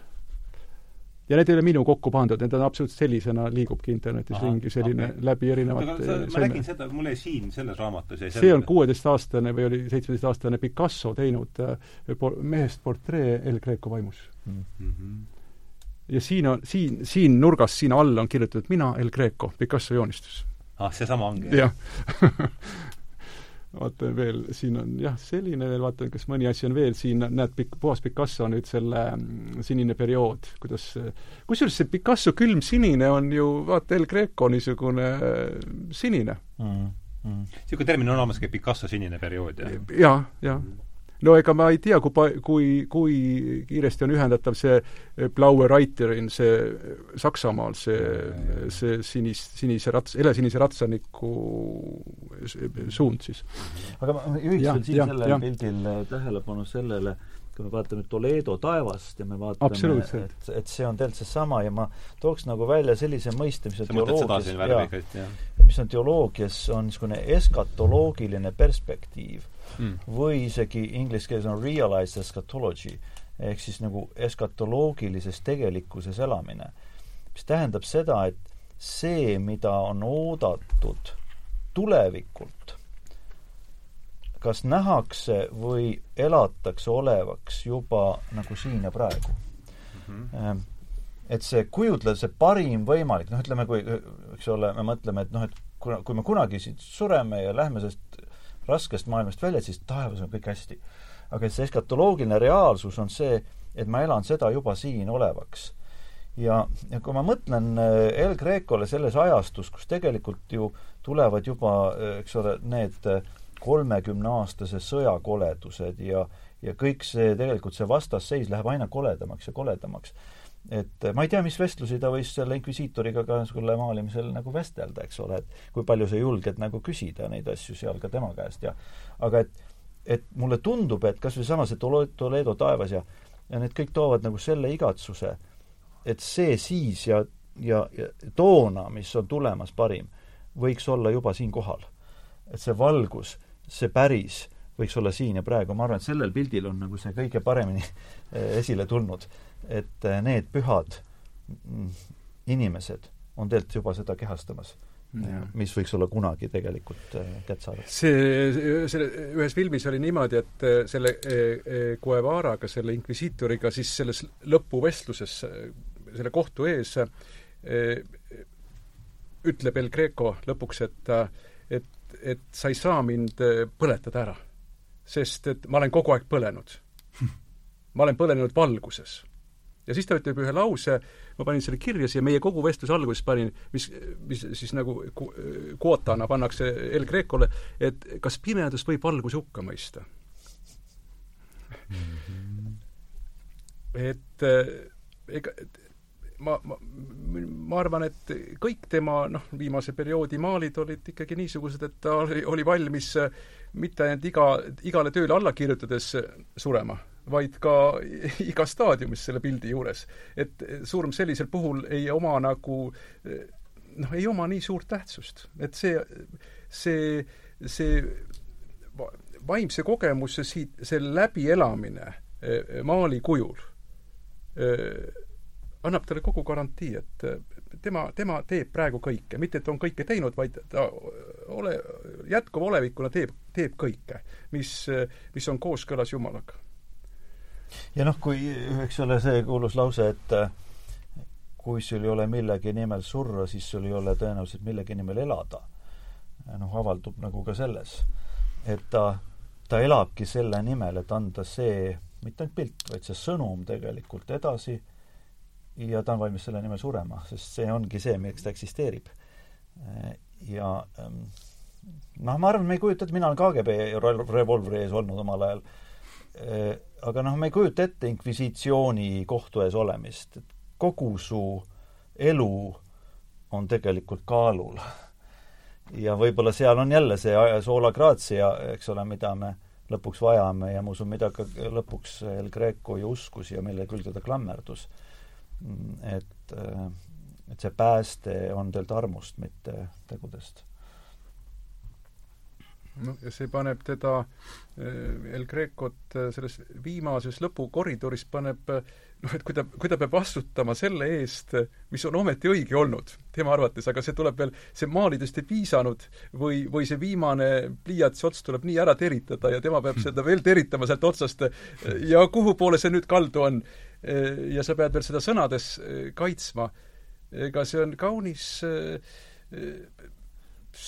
noh, ütleme tema nii-öelda case'i puhul on see tegelikult noh, kirgastumise kõrgem aste, et ta tuleb sealt veel läbi. see, see, tänu sellele inkvisitsiooni kohtu eest läbikäimisele eh, on see saanud tohutu pitseri tegelikult alla. inkvisitsioon on selle approved, tähendab, tema on selle, ikkagi selle kohtu eest ka läbi läinud vaatan korra veel, mis siin veel oli.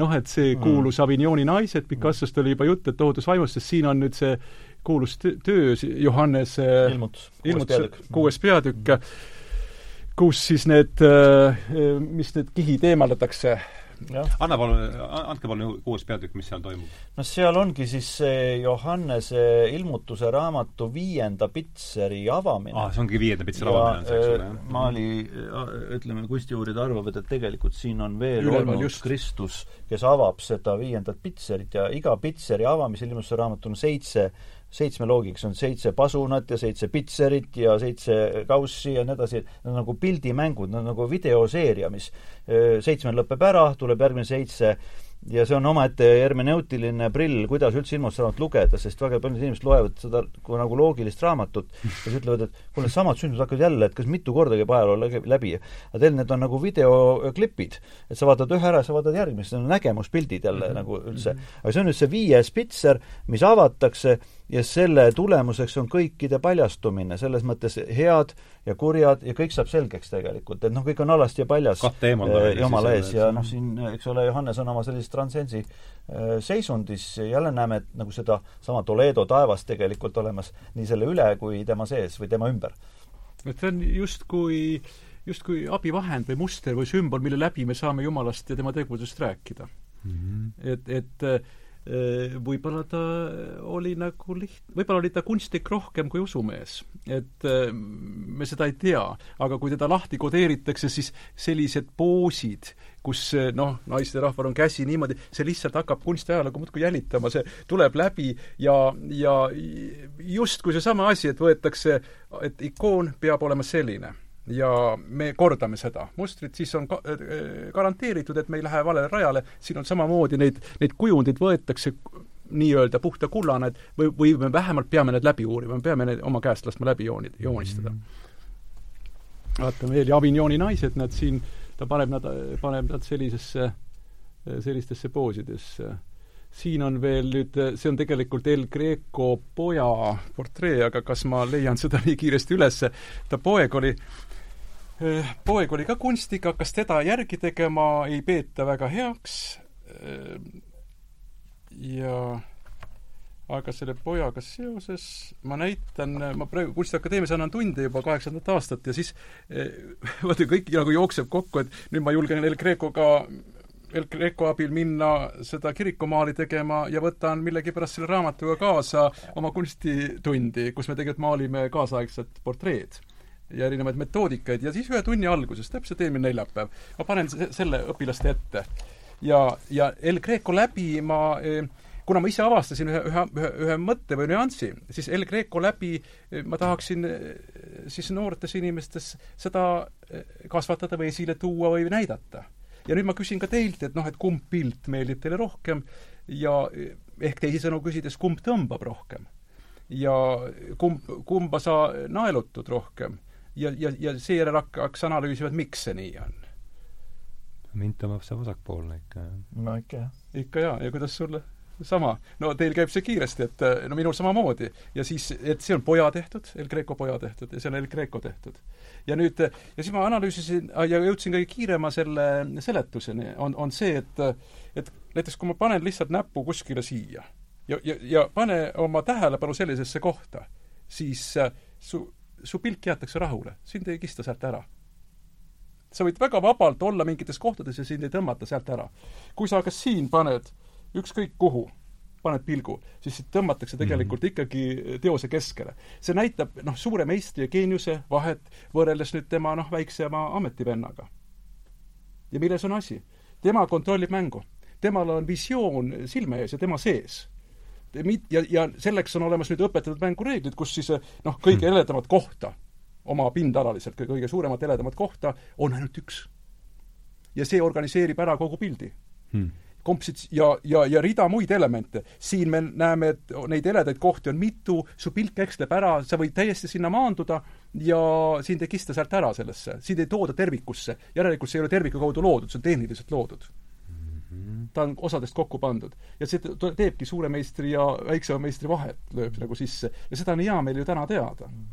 siit, kuigi siin on, siin on tunda ka noh, ütleme Dali algeid isegi on siit tunda kuskilt otsapidi sellist noh kui vana oli ta poeg, kui ta seda tegi, oskad sa midagi kui poeg ise tegi, ei, ma nii ei oska mm. -hmm ei, aga ma arvan ikkagi, et, et, et kui ikkagi El Grecos suri, siis hakkas alles poeg põhiliselt tegutsema. millegipärast praegu arvan niimoodi. ta teeb copy-paste'i ta teeb copy't, jah. ja mm -hmm. läheb seda oma, noh, ühesõnaga nagu isa lainetas. et noh, et kuidas isa ütleb, et noh, ma oli ka ja siis ta võtab selle analoogia, aga aga ma arvan pigem niipidi. ja huvitav, kuidas see riidevoltides see Toledo taevas kogu aeg mm -hmm. peegeldub, eks kuigi tänased need noored, et, et kolmandik sellest grupist, sellest kümnest, üheteistkümnest äh, õpilasest, kes äh, nüüd oli äh, eelmine neljapäev mul, minu ümber, ütles, et, et mulle meeldib see rohkem.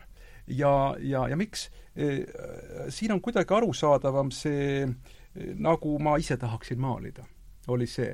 ja nüüd ma saan aru, et me oleme ka seda näinud, me oleme ka seda, me oleme sellist postmodernismi isegi järgses nagu sellises ajastus, kus, kus me oleme näinud piisavalt palju noh, tasakaalustatud head kunsti ja siis me ootame väikest intriigi ja selle äralõhkumist. et, et see tõmbaks justkui nagu silma rohkem. et selline nagu moment jookseb sisse uuesti mm. -hmm aga kõik olid siis, kui ma selle nii-öelda näpuga näitasin neid kohti, siis noh, kõik olid nagu sellega nõus ja siis me läksime maalima. Ja ütlesin siis, et, et ainult üks koht saab olla kõige valgem ja ülejäänud teenivad seda ainult üks kontrast saab olla kõige suurem ja ülejäänud on, on, on sealt lähtutud, pildil on alati see lähtepunkt. aga -hmm. tema ju teadis seda, kui tema alustas meistrite käe all Kreeta saare peal maalimist.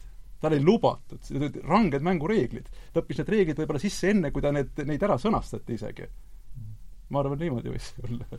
väga huvitav, Aapo, aitäh sulle selle ekskursi eest, see oli, see oli väga lahe. Kuigi noh, kui mina vaatan nüüd seda, see on muidugi pilt, aga et mina näen, et siin on kõige heledam koht. ehk siis laud, Pühatu söömäe laud on see, mille keskmesse äh, minu pilk läheb. ja, ja siis tekib väga huvitav teoloogiline diskussioon minus ka, vot selle mehe inkvisitsioonikohtusse viimine oleks huvitav, eks ole mm. -hmm. et tähtis, kui on Pühatu söömäe laud kirikus. kuidas see võib juhtuda? Nii jah, ja siin on veel, veel ütleme, heleduse laike, tähendab, mis on, mis äh, teevad pildi kirjuks. jah, kui me võtame seda tervikuna, justkui seda noh, nii-öelda inim- seltskonda, siis ta mustriliselt on, kõik on tohutult kirju. aga ta on ähm, võrdsel, võrdse, võrdse tähelepanuga koostatud, võrdse tähelepanuga. Et, et ja midagi jääb alati üle, näiteks noh, see on nii nagu ka noh, ilmselt muusikas, kui ma teen täna plaadi, et ma panen kokku, siis sa saad kohe aru, kas on tegemist noh, vana kalaga või algajaga ja, ja üks on see, et mm, tal jääb jõudu, tal jääb jõudu üle, et see on ikkagi päris hea. ja, ja teisel on nii, et kõik on välja pandud ja, ja see ka veel, et vaata, seda ma oskan ka. et siit ma ei saa praegu nagu, mulle, ma ei tea, kas ta, kas, et kas tema järgmisest maalist ma saaksin veel rohkem teda kätte. Ja siin mulle tundub, et purjeta kaua tahad mm. -hmm. mul ei, kui ma nüüd El Grecost suure kiiruga lugesin siin enne saadet natuke, et siis jäi niisugune kunstiajaloost tuntud termin nagu manerism ette, et mis, mis see õigupoolest on ja kuidas sellest, kasutan lihtsalt võimalust, et mis see et ma arvan, see oli see, see kontekst, kuhu ta tuli või et mis, mida, anna, anna palun siin natuke värvi juurde, et mis see on? ei, ega minagi nüüd ütleme nii täpne, ma ei ole noh, siin saates ka, ega ma ei ole kunstiajaloolane ja, ja, aga... ei saa ega tahagi olla, aga manierism on tegelikult äh, ma toon oma isikliku elu pealt näite lihtsalt, et et just nimelt, kakskümmend aastat tagasi eh, noh, Aapo otsustas, et portreekunstnikuna ta noh, tahan ma leiba teenida, et, et see on vist minu kutsumus. ja, ja siis ma tegin selliseid portreepäevi, et Otepääle ja viis portreed ja pastellis ja treening, treening, treening, treening, treening, treening. ja sel ajal, kui vaikselt kogus eh, postmodernism, noh, ma, ega ma ei vastanda, aga ma Eh, ühel hetkel siis mina ei olnud valmis, aga noh, pildid tulevad ja siis üks Tartu kunstiteadlane, hea sõber, ütleb, et et kuule, et vaata siin juustes, et see läheb maneerlikuks ära sul. ja, ja ma olen enda kohta ütelnud niimoodi, küllap ka teisedki kunstnikud oma küpsedes saavad seda öelda ja ma ütlen niimoodi, et et õnneks olen ma sellise noh, sellise nii-öelda rumalusega kaetatud, et oma elu nendel hetkedel, kus sa nagu nii-öelda tõega, väljastpoolt tuleva tõega kohtud, see ei lähe sulle korda ja siis saad rahulikult edasi areneda. noh, et, et sa kas uurin, ma kas uurin noh, koorikust väljapool oleva kooriku pinnal või siis lähen päris tuuma kallale. aga no, aga see on lihtsalt minu teekond olnud. ja siis ma olen mõelnud selle manierismi peale, et tegelikult kunstiajaloos seda käsitletakse siiski noh, negatiivsena teatud solvanguna, noh, nii, nii nagu barokk ja, ja noh, üldine sõna on tal muidugi. barokk oma tulekuga ja. oli ka ju tegelikult ju mingisugune noh, solvav, aga hiljem ta jääb asjale külge mm. -hmm. aga see maneer okay., maneerlikkus on see, et ta, ta, ta teeb, no ma toon veel ühe näite, et mul oli, mul käivad kodus ka lapsed maalimas, nagu laste kunstikool on, ja siis äh, ja olen nii julge küll, et ka kümne-üheteistaastastele ütlen sellise lause, et et et me küll teeme natuurist praegu, joonistame seda portreed või seda natüürmorti, aga ühel hetkel, kui koolid on kõik läbi, kümme-viisteist aastat hiljem, kakskümmend aastat hiljem, jõuad sa olukorda, kus sa oled palju tööd teinud kunstnikuna, ja ühel hetkel jõuad sa olukorda, kus sa teed, nagu sa tahad teha, välja tuleb äh, justkui vigane asi. Aga sa ise ei saa aru, et ta on vigane. et, et sellest hetkest alates hakkab kunst pihta mm. -hmm kus sa, et sa teed nii-öelda vigu, mida sa ise enam ei kontrolli. Need tulevad puhtalt sinu seest, allhoovusena, sinu, sinu teadvusest ja sa jätad nad rahule. sa ei lähe mhm. neid parandama. ja sealt kasvab sinu stiil või laad välja. ja kui sa leiad järgi, et siis on see, aa, see on selle inimese maneer. See on maneerlikkus, ta on, ta on manierismis. aga noh, tema on selles mõttes selle supernäide, et ta liigub selles ja siis üks Norman, mul üks õpilane ütleb, et ma ütlen, ja siis ma küsin, et kas sa said sellest aru? jah et kui ma hakkan vigu tegema viieteist aasta pärast, siis äh, ära muretse. Äh, siis need, äh, siis ma saan kunstnikuks aga tore on ikkagi sellest juba varakult rääkida. aga, aga, aga viga hakkab siit pihta, kui inimene hakkab teadlikult neid vigu tegema. See on kohe näha. ja, ja sa ei kontrolli seda tähendab, ja, ja muidugi siit suure hüppega veel edasi, ülim proff tegelikult kontrollib ka seda, kuidas ta teadlikult teeb juhuslikke vigu. Noh, nii-öelda noh, ütleme, sina muusikaga rohkem kokku puutunud, et kui klaveri, ta, ta, kannab ette näiteks kellegi suurt teost ja seal sees justkui tuleks nagu mingi kogemata selle päeva asi tuli sisse, siis ta tegelikult esitleb seda järgmise ringiga juba, et see on selline ja ta ei võta seda veana, vaid see on see on see ehe väljendus. ehk veel teisisõnu on see näiteks niimoodi, et kui äh, äh, klassikalises no, natuurist maalimisel tänapäeval väga, väga levinud võte on niisugune, et et, et kui sa teed ka näiteks viisteist, kakskümmend tundi teed sa natuurist, teed portreed ja nüüd soovitatakse, et viimane, viimane see kiht, viimane layer, mis tuleb, viimane eesistumine, selle teeksid sa üle kogu pildi suure pintsliga juba kokkuvõttena. et see saaks dokumentaalse niisuguse hetketunnetuse. et sa oled küll kaua seda uurinud, noh, nagu lapsepõlves mul Silvia Jõgever, vana pallastlane, oleme kümne-üheteistaastased ja maalime, maalime, maalime, meil läheb poriseks kätte kõik akvarell, ikka maalime, maalime, teeme tööd, tööd, tööd. ja tunni lõpus jääb kümme minutit aega, ta ütleb, et nüüd tehke vabalt. tehke nüüd kokkuvõte sellest mm. -hmm. et tuleb välja, siis ei tule midagi ei juhtu sellest, aga kui tuleb välja, siis on see tänase asja kokkuvõte. ja, ja see on see, et sa oled nüüd, see on nagu see õpitu ja, ja, ja, ja, ja, ja kokkuvõte ja vabanemine. et tema tuleb siin ja ta, ja kõik asjad on tal nagu vabanemised. ta laseb enda seest selle välja et noh, võib-olla see orteese matus on ütleme, tihedamalt läbi töötatud, aga üldiselt väga, kujutan ette, et väga lühiajalised on need et ja, ja, ja, ja ma kujutan ette, kuidas ta võitles endaga, et kui palju ma rohkem lasen sisse, kui palju ma veel, kuidas ta küsib eneselt kogu aeg, ma kujutan ette, et on võimalik igat pintsi, pintsitõmmet on võimalik palvetada läbi.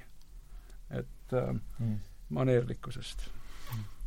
aga nüüd oleks huvitav veel, noh, mulle tundub, ja ma võin nüüd vabalt siin eksida, et see ikkagi see või üks suurim avastus, mis mina sellest jutuajamisest olen enda jaoks teinud, on ikkagi seesama ikoonimaalija taust seal taga, tundub minu jaoks olevat ülimalt oluline, see õigeusklik õigeusklik taust, et oskad sa kuidagi tuua seda, seda teoloogilist äh, poolt veel tuua sisse äh, ja võib-olla seda selle läbi, et, et kuidas äh, et reformatsioon paistab väljaspoolt õigeusu vaatevinklist, oskad sa siin midagi lihtsalt paari, paari minutiga midagi no ma olen Kreekas käinud astuda ühesõnaga õigeuskliku teoloogi ja, kingadesse ja vaadata reformatsiooni tema vaates, see oleks väga huvitav ja. nii mõneski mõttes.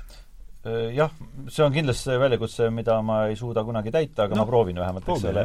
aga et ma, ma tegelikult, selline oma kogemus ikkagi, et ma olen Kreekas käinud nii-öelda ikooni kirjutajate töökojas mm. -hmm. ja ja see on väga huvitav kuulata neid samu inimesi, kes seda siis teevad, et sa näed, kuidas seda teeb. see on kõik tegelikult palvetades tehtud ja seal ongi täpselt need äh, Nad ei tee ju midagi uut, vaid nad teevad sedasama asja, mis on olnud palvetatud läbi ja meil on oma nagu reeglistik, eks ole, ja, ja see taas luuakse ja taas luuakse ja taas luuakse. muidugi seal on veel see kulla moment ka ja, ja ma olen mõelnud Del Greco peale mõeldes ka, et äkki need valgussähvatused, äh, mis tema mm, maalides on, on mõnes mõttes need ikooni kulla kohad, mis kirgastuvad või tulevad esile. aga kui nüüd mõelda teda kui õigeusklikku noh, ta on ju lapsena õigeusu, kui ta nüüd ei ole juut, nii nagu siin üks, üks esimesi asju, mis ta no väga hea, jah, jah.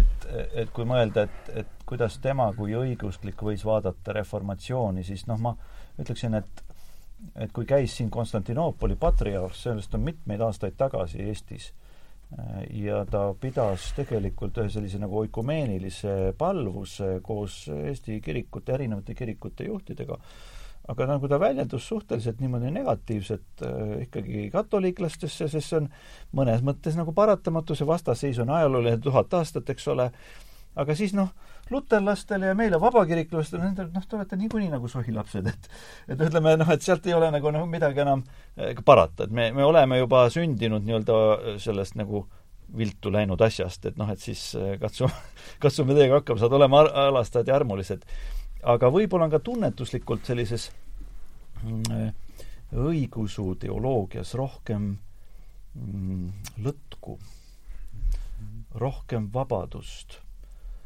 kui vaadata kas või nagu katoliku missat ja õigeusu liturgiat, siis seal on, see on palju jah, majesteetlikum, ütleme võib-olla, noh, see on hästi palju kulda ja ja, ja viirukit ja, ja suitsu ja, ja kõike seda, aga äh, seal on nagu rohkem sellist loomingulisust selles samas hetkes, eh, mis, mis sünnib. ja ma annan siin hinnanguid, mille eest ma vabandan muidu juba meedias, eks ole, võib-olla meid kuulavate inimeste, et, et siin mingisugune baptist tuleb ja annab hinnanguid, eks ole no,. Vest, see on vestlus. ma, eh, ma ei, improviseerin siin täpselt nagu džässmuusikas seda tehakse, sa võtad teema ja, ja, ja niimoodi olen valmis nagu debateerima või üldse öelda, et ma ei tea sellest midagi mm. -hmm. aga, aga ma arvan, et see õigeusu taust annab talle noh, nii-öelda hiljem ju katoliik kiriku inimesena või katoliku kiriku, eks ole, ametikunstnikuna eh, annab talle teatud vabaduse eh, mängida nagu nendega ja need vanad, vanad mustrid, ikoonimustrid on tal ikkagi all mm. -hmm. ja, ja see ongi see, mida ta on lapsena selgeks õppinud eh, ja nii, aga, aga nüüd on tal vabadus nagu sellega mängida,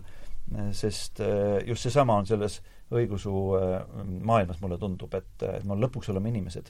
lõpuks meil siin sünnib midagi, mis on just siin ja praegu mm. -hmm. aga sa tahtsid selle juurde tuua siia kohe? jaa, see ikka on veidi või?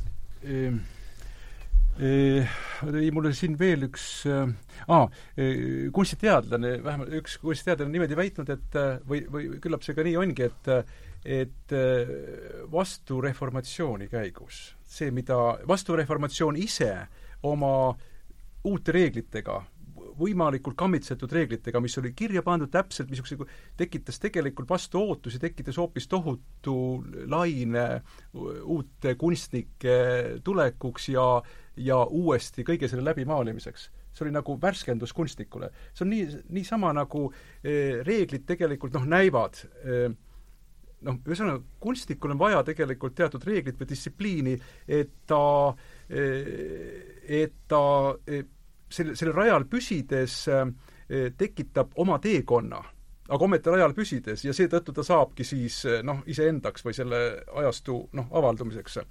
et äh, küllap, küllap see ka noh, nii oligi, et, et, et ütleme, akadeemilise õpetuse on täpselt samamoodi, et et tulles postmodernistlikusse Tallinnasse, õpetades Kunstiakadeemias ja ja veel mäletan, üks viis aastat tagasi oli mul üks Rootsi tudeng, Erasmuse tudeng, Inga oli ta nimi, ja, ja mina ette juba kuulutasin ära, et meil on niisugune akadeemiline asi, et äh, teeme portreed ja teeme selliste klassikaliste mängureeglite kohaselt äh, A on A ja B on B ja C on C ja me jõuame sinna välja täpselt. ja, ja, ja, ja kusjuures ta oli väga hea joonistaja ja väga hea maalija.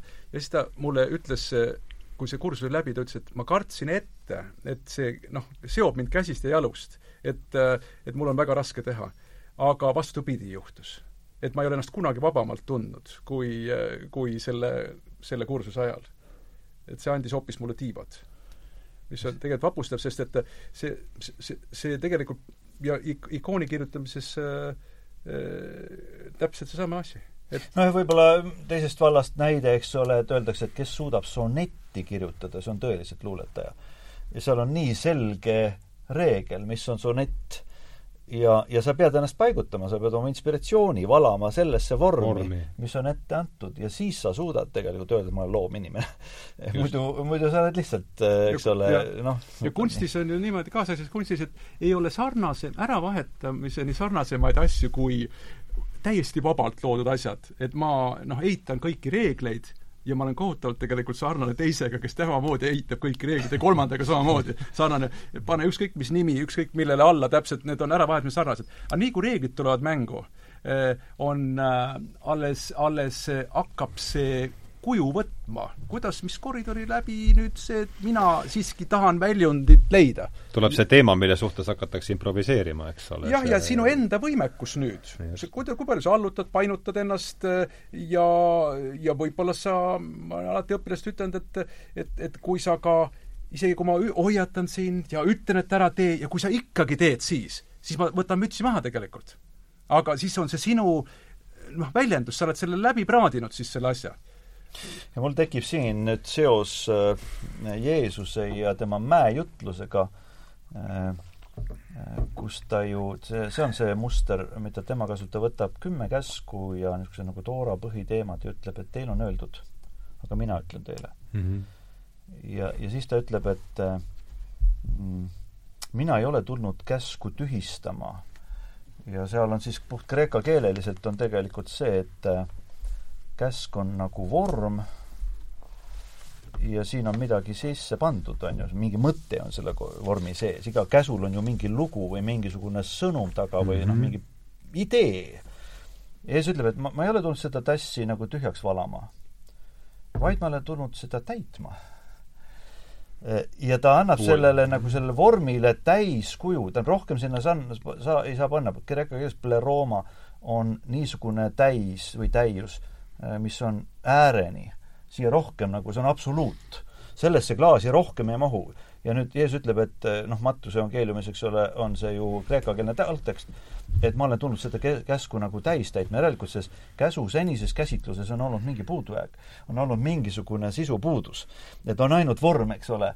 aga ta ütleb, et see vorm, mi-, mis teile on antud, seal on väga sügav sisu tegelikult. aga ma annan sellele tähenduse ja no siis, kust need tulevad siis välja? Ära vihka eh, oma venda, eks ole, et, et aga et ära ütle talle isegi loll Eh, teen nüüd ära riku abielu, aga ära vaata himura pilguga mm. -hmm. eks ole. ja, ja nii edasi ja nii edasi, et ta annab nagu sellele tegeliku sisu, mille poole peaks inimene püüdlema. ja, ja mulle tundub, et see on nüüd siis elu kui kunstiloome. et kas ma suudan elada olevaks nende sõnumite või nende reeglistike või nende käskude tegeliku tähenduse, mis on Jumalas, mis on Jeesuses. ja kui Jeesus küsitakse lõpuks, mis siis on nagu käskude sisu, mis on see kõige tähtsam? armasta. armasta Jumalat, armasta inimest, armasta iseennast. ja, ja seal on nii palju loomingulist vabadust, aga see ei välista neid vorme mm. -hmm. tahaks veel seda ütelda, et, et, et, et tundub ikkagi, et El Greco on olnud äh, mõtleja, filosoof, ta on teadlikult liikunud. et võtame näiteks kas või selle, selle teose, mis on nüüd see Kristus ajab templist välja kaubitsejad. no see on tema versioon asjast, jah. jah, siis tegelikult noh, see on kaunis kirju tegelikult. et see on üks niisugune nagu verstapost ja ta jätab ühe osa, jätab siis Veneetsia, jätab selja taha, alustab oma veel nähtamatut teed mida veel, veel siin väga ei taju, aga teeb seda väga justkui entsüklopeediliselt, lausa ta paneb siia nurka Tiziani ja, ja siis äh, Michelangelo äh,, Rafaeli, siin on veel üks tema soosija, mis ta nimi oligi, nüüd ei tule meelde, et äh, aga, aga äh, seda annab nüüd nagu kui see, seda nagu osadeks lahti võtta, noh, loomulikult jälle need tõstetud kätega need figuurid, mis on nüüd vahakujude pealt tehtud, aga samas küllaltki bütsantslik, kui me praegu välja lõikame, siis nad on tegelikult täiesti nagu eri, eri maalide pealt kokku pandud. minu arvates näitab see seda, et, et tema liikumine oli teadlik täiesti teadvustatud noh, ütleme siis religioos, filosoofiline, läbi põhjendatud sõnastus et, et ta teeb seda teadlikult ja laseb siis muidugi vaimul vabalt voolata, see on ka päris selge. sest et hiljem näiteks tekivad sellised noh, kui oli maneerlikkusest juttu, siis mind lihtsalt hämmastab vahest, ütleme noh, ütleme, et noh, nii-öelda nüüd mitte hullemaid näiteid, aga noh, et et kuidas noh, sõrmed, eks ole, nüüd realistlikus mõttes saavad olla noh, nii voolavad, et on sellised nagu kuidas ma ütlen siis, nagu, nagu naturalismi seisukohast on justkui ta laseb vahel kukkuda sellel isegi vormid, noh et, et kui, kui on näiteks figuur, siis ei saa minna, käsi on nagu puuoks, mis tuleb tüve küljest ja, ja, ja isegi kui ta on peenem, kuskilt läheb peenemaks, siis ta iialgi ei ole looduses tegelikult kaugemalt tüvest ei ole ta tähendab, lähemalt hüvest ei ole ta peenem kui kaugemalt olev mm -hmm. peen koht. aga tema lubab seda. ta eh, lubab neid vigu sisse, need tunduvad justkui nagu ja enne, enne teda keegi ei teinud nii, vähemalt meieni ei ole see jõudnud. et ta laseb neid justkui religiooni puhastamise nimel, vaat ma loon oma käekirja aga ta teeb seda teadlikult, vabatahtlikult ähm, ta, ta oskab ka ilusaid käsi maalida. ja, ja väga ris-, realistlikke portreid teha. ja korraga ta laseb seda sisse, aga need ei ole, need ei ole noh, nii halvad, et nad ära lammutaksid teose, vaid panevad küsima, et, et miks ta laseb sealt kondid vahepeal kaduda. et, et miks see, et justkui justkui noh, ta küsiks nagu oma modellidelt, et kui palju ma sinust pea, saaksin elu eemaldada. Et see, mis järgi jääb, see on kõik eksponeerimist väärt väga huvitav, Apo, väga hea. otsib vormi sealt selle mitmekesisuse tagant siis mm, no nii vähima, kui üldse olla saab.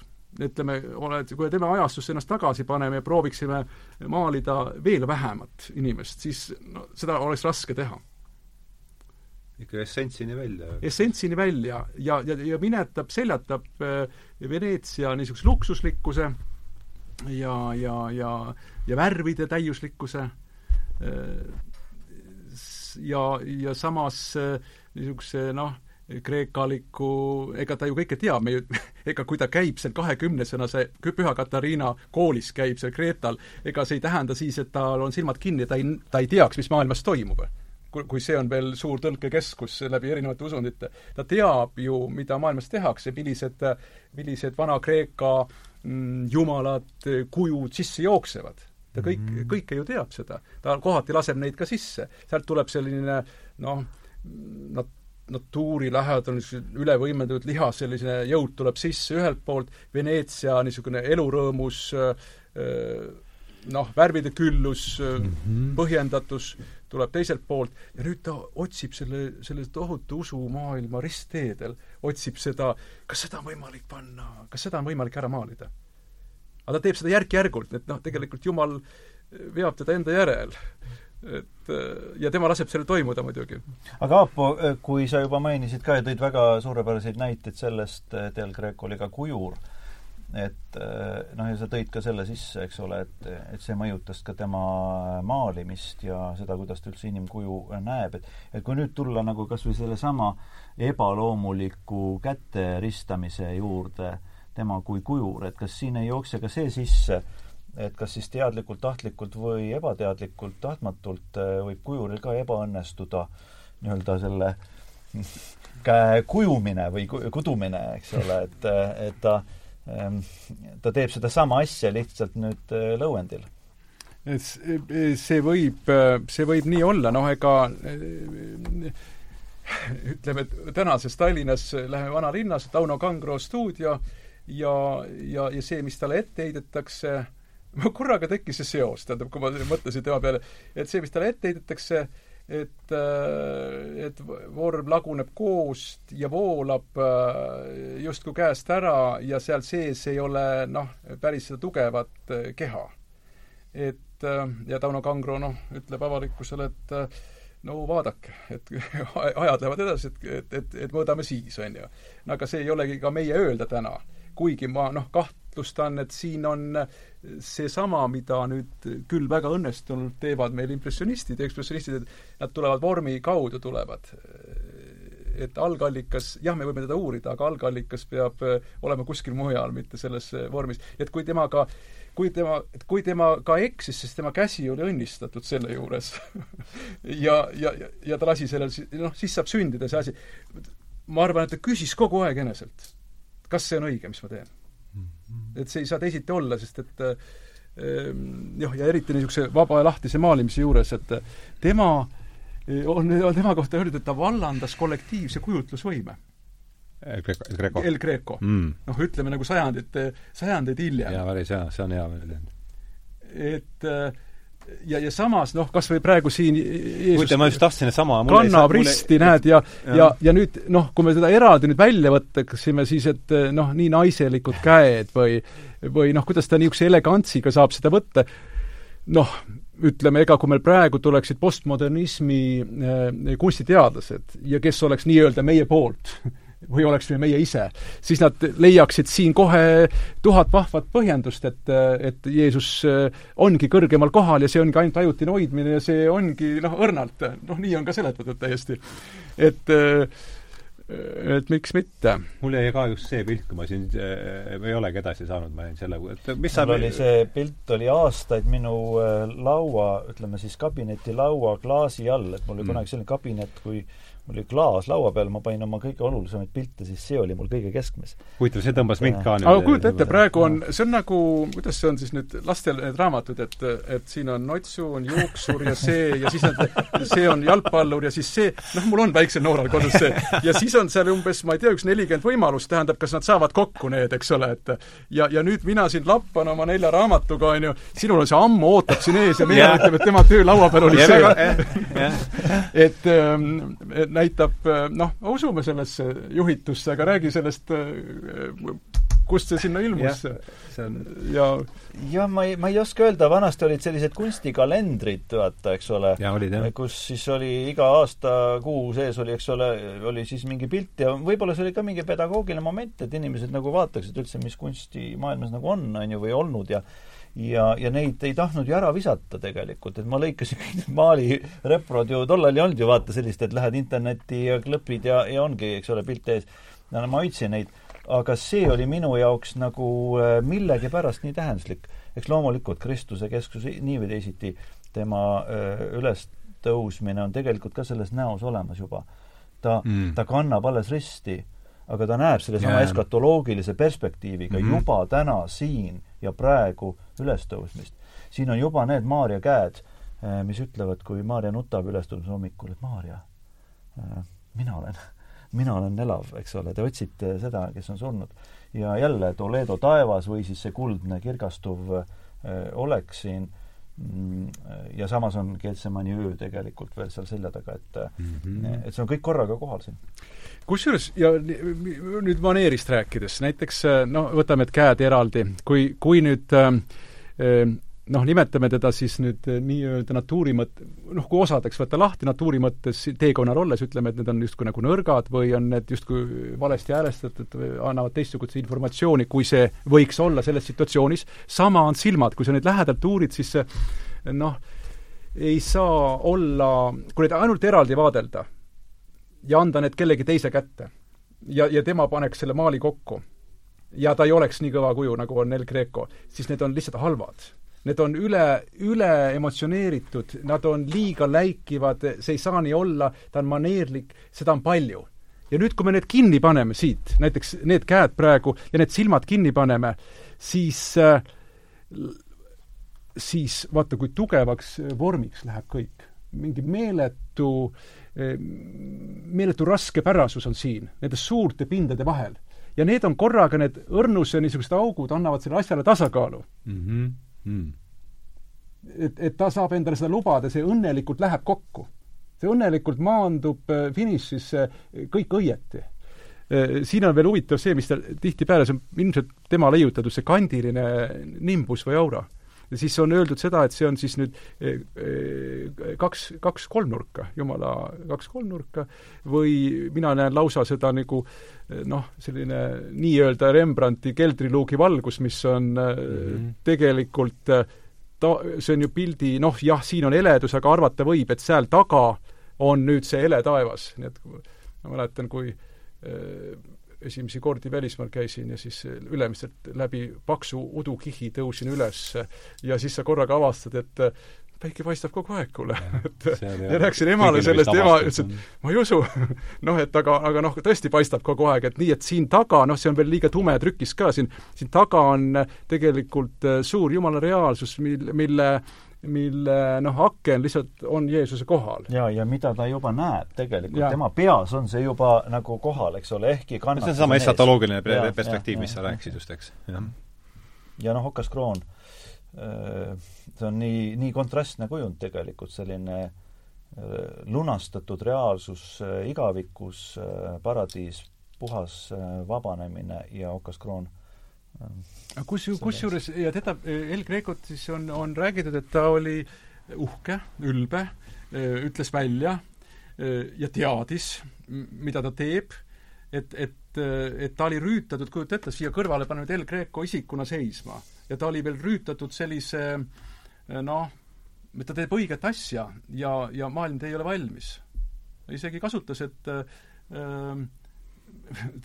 mitmeid kordi on ajalukku läinud niimoodi, et et ka rahalised vaidlused seal, et et ähm, seal tahab üheksasada dukatit saada, aga siis kirik pakub kolmsada, lõpuks lepivad viiesaja peal kokku ja ta ütleb selle peale, et et kas üheksasada või mitte midagi. Te ei saa aru, et ma tegin igavikulise asja mm. -hmm. enesekindluse taha ei jää midagi. ja, ja, ja vaadake, mis on juhtunud, need, kus eh, Philipp teine eh, keeldub või noh, ütleb, ei, ei kiida heaks seda ja teist pilti, need ikka ripuvad selles kohas väljas, kuhu nad olid algselt plaanitud teha täna tegigi ikka. no nii, meil on siin just tund kolmveerand on läinud niikuinii juhti. Pole arugi saanud, et katsuks siis veerand tunniga siin selle jutuajamise kodusadamasse vii-, viia, et siin on jällegi väga huvitavaid äh, käänakuid on olnud. kummatigi mulle siit meelde see, või see, milles ma nüüd mõttes olen taga, järjest tagasi pöördunud, on see, et äh, et Calvin on hariduselt jurist ja teab teoloogiat nagu jurist ning jõuab otsapidi Vanasse Testamenti tagasi ja ja no eks me kõik ju tuleme omadest kohtadest ja ja ma olen selle peale nüüd äh, mõelnud hoopis teise kandi pealt. et äh, ja võtan nüüd äh, räägin nagu kvalifikatsiooni kaotanud majandusteadlane siin, aga et et räägitakse ju sellest, eks, et ähm, et kust nüüd tuli kahe tuhande kaheksanda aasta finantskriis ja et üks põhjus on see, et see ümbrus oli läinud lihtsalt nii keeruliseks, et keegi ei suutnud seal enam üldse äh, noh, see, see tiik oli nii segane, et, et noh, kellelgi ei, ei olnud ei asjade ostjatel ega müüjatel mingit arusaama sellest, mida nad teevad. ja vastus sellele kriisile on see, et tehakse siis seadus, mis on kogu oma lisa, lisadega kakskümmend tuhat, kakskümmend tuhat lehekülge. ja, ja noh, sama asi, üks on see, teine asi siis äh, tervishoiuseadus, see on, see on see trend, mille mille suunas me tundume praegu ülereguleeritus. ülereguleeritud, no just nimelt, et iga seadus äh, äh, kätkeb endas terve riiuli ja alamseadusi ja mitte kellelgi mitte mingit äh, sotti ju sellest enam ei ole, mis, mis üldse äh, toimub. et äh, ma tahaks kuidagi selle nurga alt, et noh, siin on see teole-, teoloogiline nurk, aga siin on ka need reeglid, eks, kunstis ja et eks see kuidagi tundub, et see, tundub mingi tsükkel siin olevat, et kui mingi uus asi hakkab pihta, siis ta natuke ka sõidab nagu laev vees ja siis ta külge tuleb igasugu, igasugu asju kleepub ja, ja siis on lõpuks, et see asi ei sõidagi enam, et jah. ma äh, ma ei tea, kuhu seda siis välja võid ega, ega ma ei taht-. ma nagu äh, olen mõelnud ühele väga huvitavale, noh, see on ka faktipõhine, aga äh, enne aastat kaks tuhat oli kristlikus maailmas ja ka väga tuntud ja, ja mõjukate kristlike juhtide keskel selline algatus, initsiatiiv ja peeti läbirääkimisi lausa äh, riikide tasandil. et kas oleks võimalik kustutada kolmanda maailma võlad ära ja see läheb tagasi Vana Testamendi juubeliaasta kontseptsioonini mm. -hmm. et iga viiekümne aasta tagant tuleks tegelikult inimesed vabaks lasta. see on nii, nagu Eesti pärast viitekümmet aastat okupatsiooni sai õigusjärgluse järgi endale tagasi oma, ma ei tea, esivanemate vara.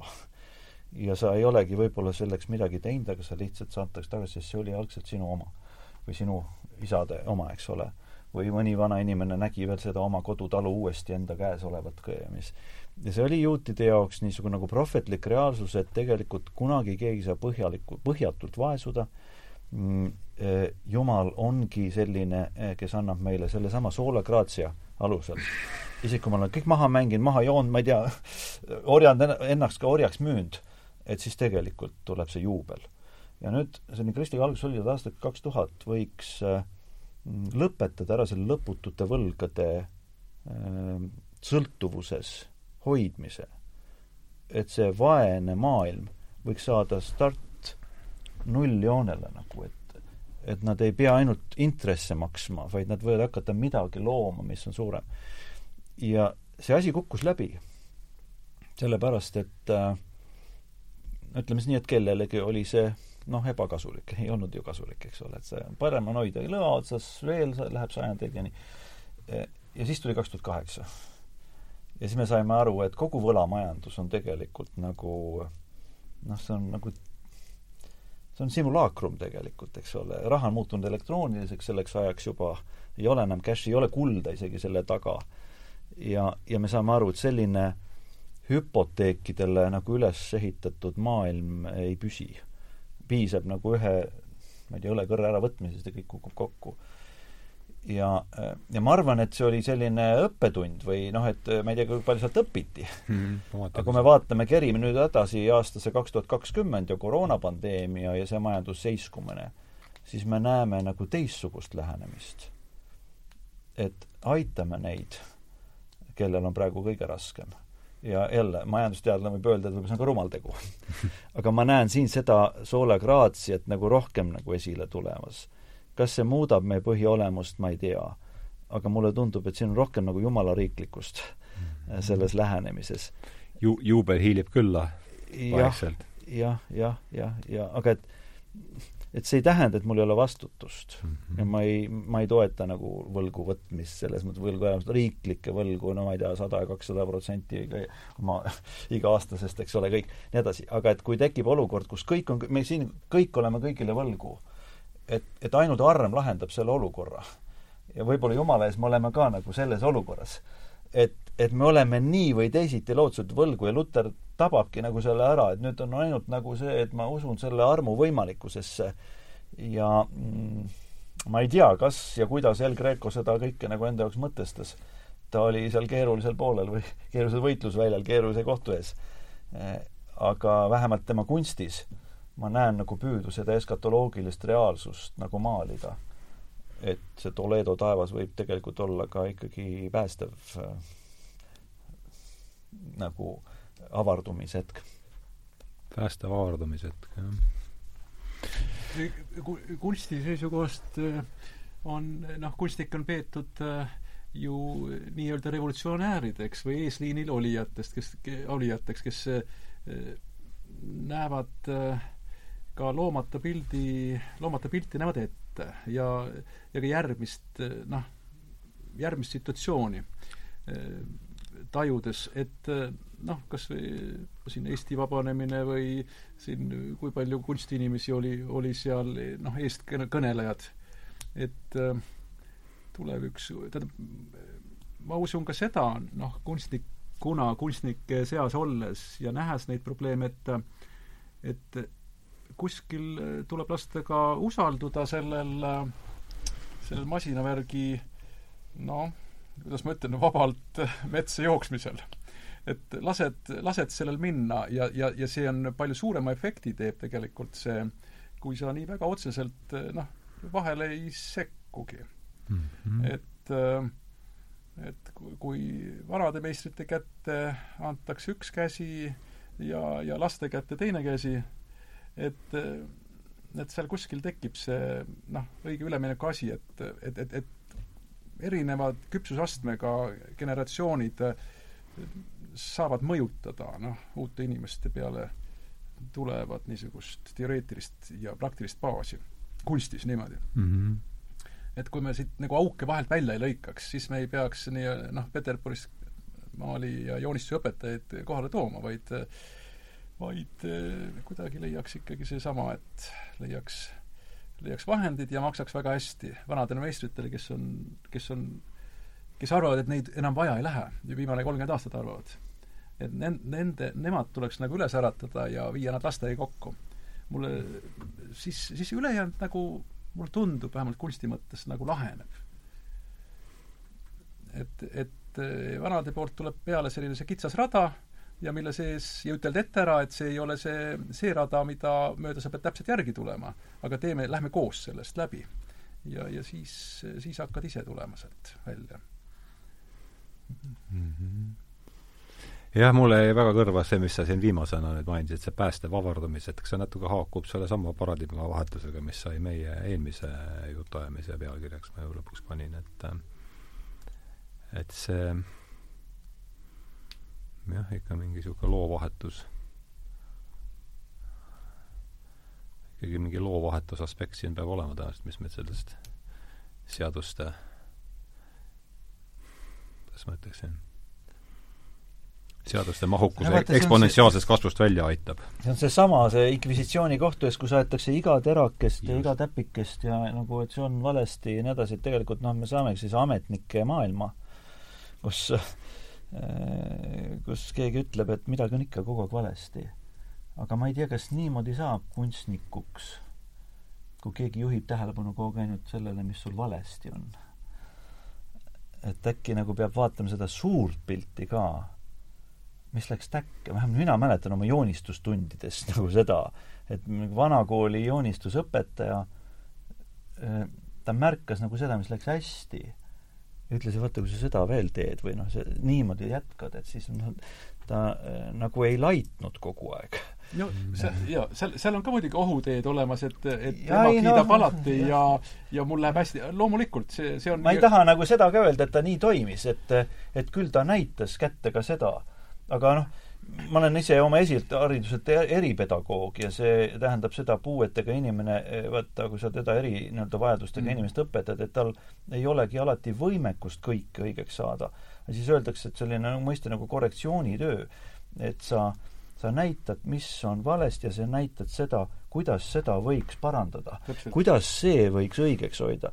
aga et see tähelepanu ju mitte sellele, et näed, inkvisitsiooni kohtu ees vaata, läks kõik nagu nihu vaid et kuidas siit edasi liikuda. Mm.. see on see eskatoloogiline, see on seesama, et see, see parim reaalsus, mis kunagi võiks olla, on täna juba siinkohal, vähemalt mu mõttes või kujutluses või unistuses. see, see, see ütleme, negatiivne või see kriitika, hea, kui see saaks nüüd ilmselt ka muu, muudes sfäärides, kui see saaks äh, selle ülesleidmine ja selle parandamine on tegelikult positiivne noh, et kui sa vaatad pooleliolevat pilti eh, ja leiad üles, noh, Aapo teooria on see, et kolm kuni viis viga, aga selle ma olen tuletanud oma elu jooksul, oma, oma küpsemisega, leiad üles kolm kuni viis viga eh, ja asetad selle kõige hullema pea, milleta sa ei saa lõpetada seda pilti, asetad esimeseks. likvideerid selle.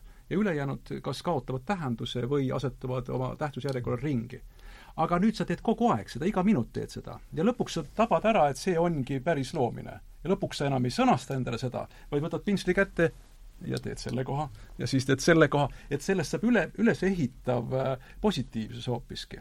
aga see tuleb nii-öelda noh, koolipingis läbi teha. ja noh, ma tuleks ikka veel korra Jeesuse kui lunastaja päästja juurde tagasi kas või selles samas võtmes, et kui Jeesus ette tuuakse, eks ole, patune naine, no väga suur teema äh, ju kunstimaailmas ka, ja kõik on valmis kivi viskama, sest ta rikkus seaduse tähte, eks ole ja Jeesus pöörab selle nagu teistepidi, et, et kas sa ei ole eksinud kunagi, kas sa ei ole ühtegi viga teinud ja ja kõik läheb minema ja siis äh, see naine, eks ole, vaatab nagu kummaliselt otsa, et, et mis siis saab ja siis ütleb, et kus nad kõik on, kes süüdistavad, et, et kes on need, kes on hukka midagi, mitte keegi. ja et ega minagi sind hukka mõista, mine ja ära tee enam pattu. et see on mõnes mõttes nagu mis iganes on olnud, mine ela teisiti ja patt on, on sõnastatud, mis on patt mm. -hmm. aga enam mitte. ela teisiti, ela uuele, vaata. ma räägin täpselt siia sõites, mis toimus. ma tulin ju sellelt lainelt, et, äh, et El Greco äh, selline tellimus, mul on juba olemas fotod, asjad, kus mul lähe-, lähiskonnast ja tutvusringkonnast on juba inimesed, kes on, hakkavad poseerima selleks ja ma mõtlen, ma teen ühe väikse peatuse, võtan sellise šoti, ostan äh, Circle K bensujaamast. ja mul on kiire, kell on, meil on pool tundi aega saateni ja letis on äh, El Greco Madonna näoga tütarlaps mm. -hmm. ja ma ütlen, mul on juba olemas kõik, aga ta on ka seal. ja, ja, ja silt ei ole ka rinnas, ilmselt on õpilane, ja ma saan need šotid ja ma ütlen talle, et et ma olen äh, portreekunstnik, te olete väga Madonna näoga. ja ta kuidagi ebale, ma ütlen, kas te saite aru, mis ma praegu ütlesin, et jaa, jaa, ma sain aru. Ja siis ma nägin, et ta sai sellest aru ja tõepoolest langetab pilgu ja kõik, siis ma istun autosse, ma hakkan ära sõitma, siis mõtlen, et aga nüüd läheb aega mööda, et ma ei saagi enam teda kätte.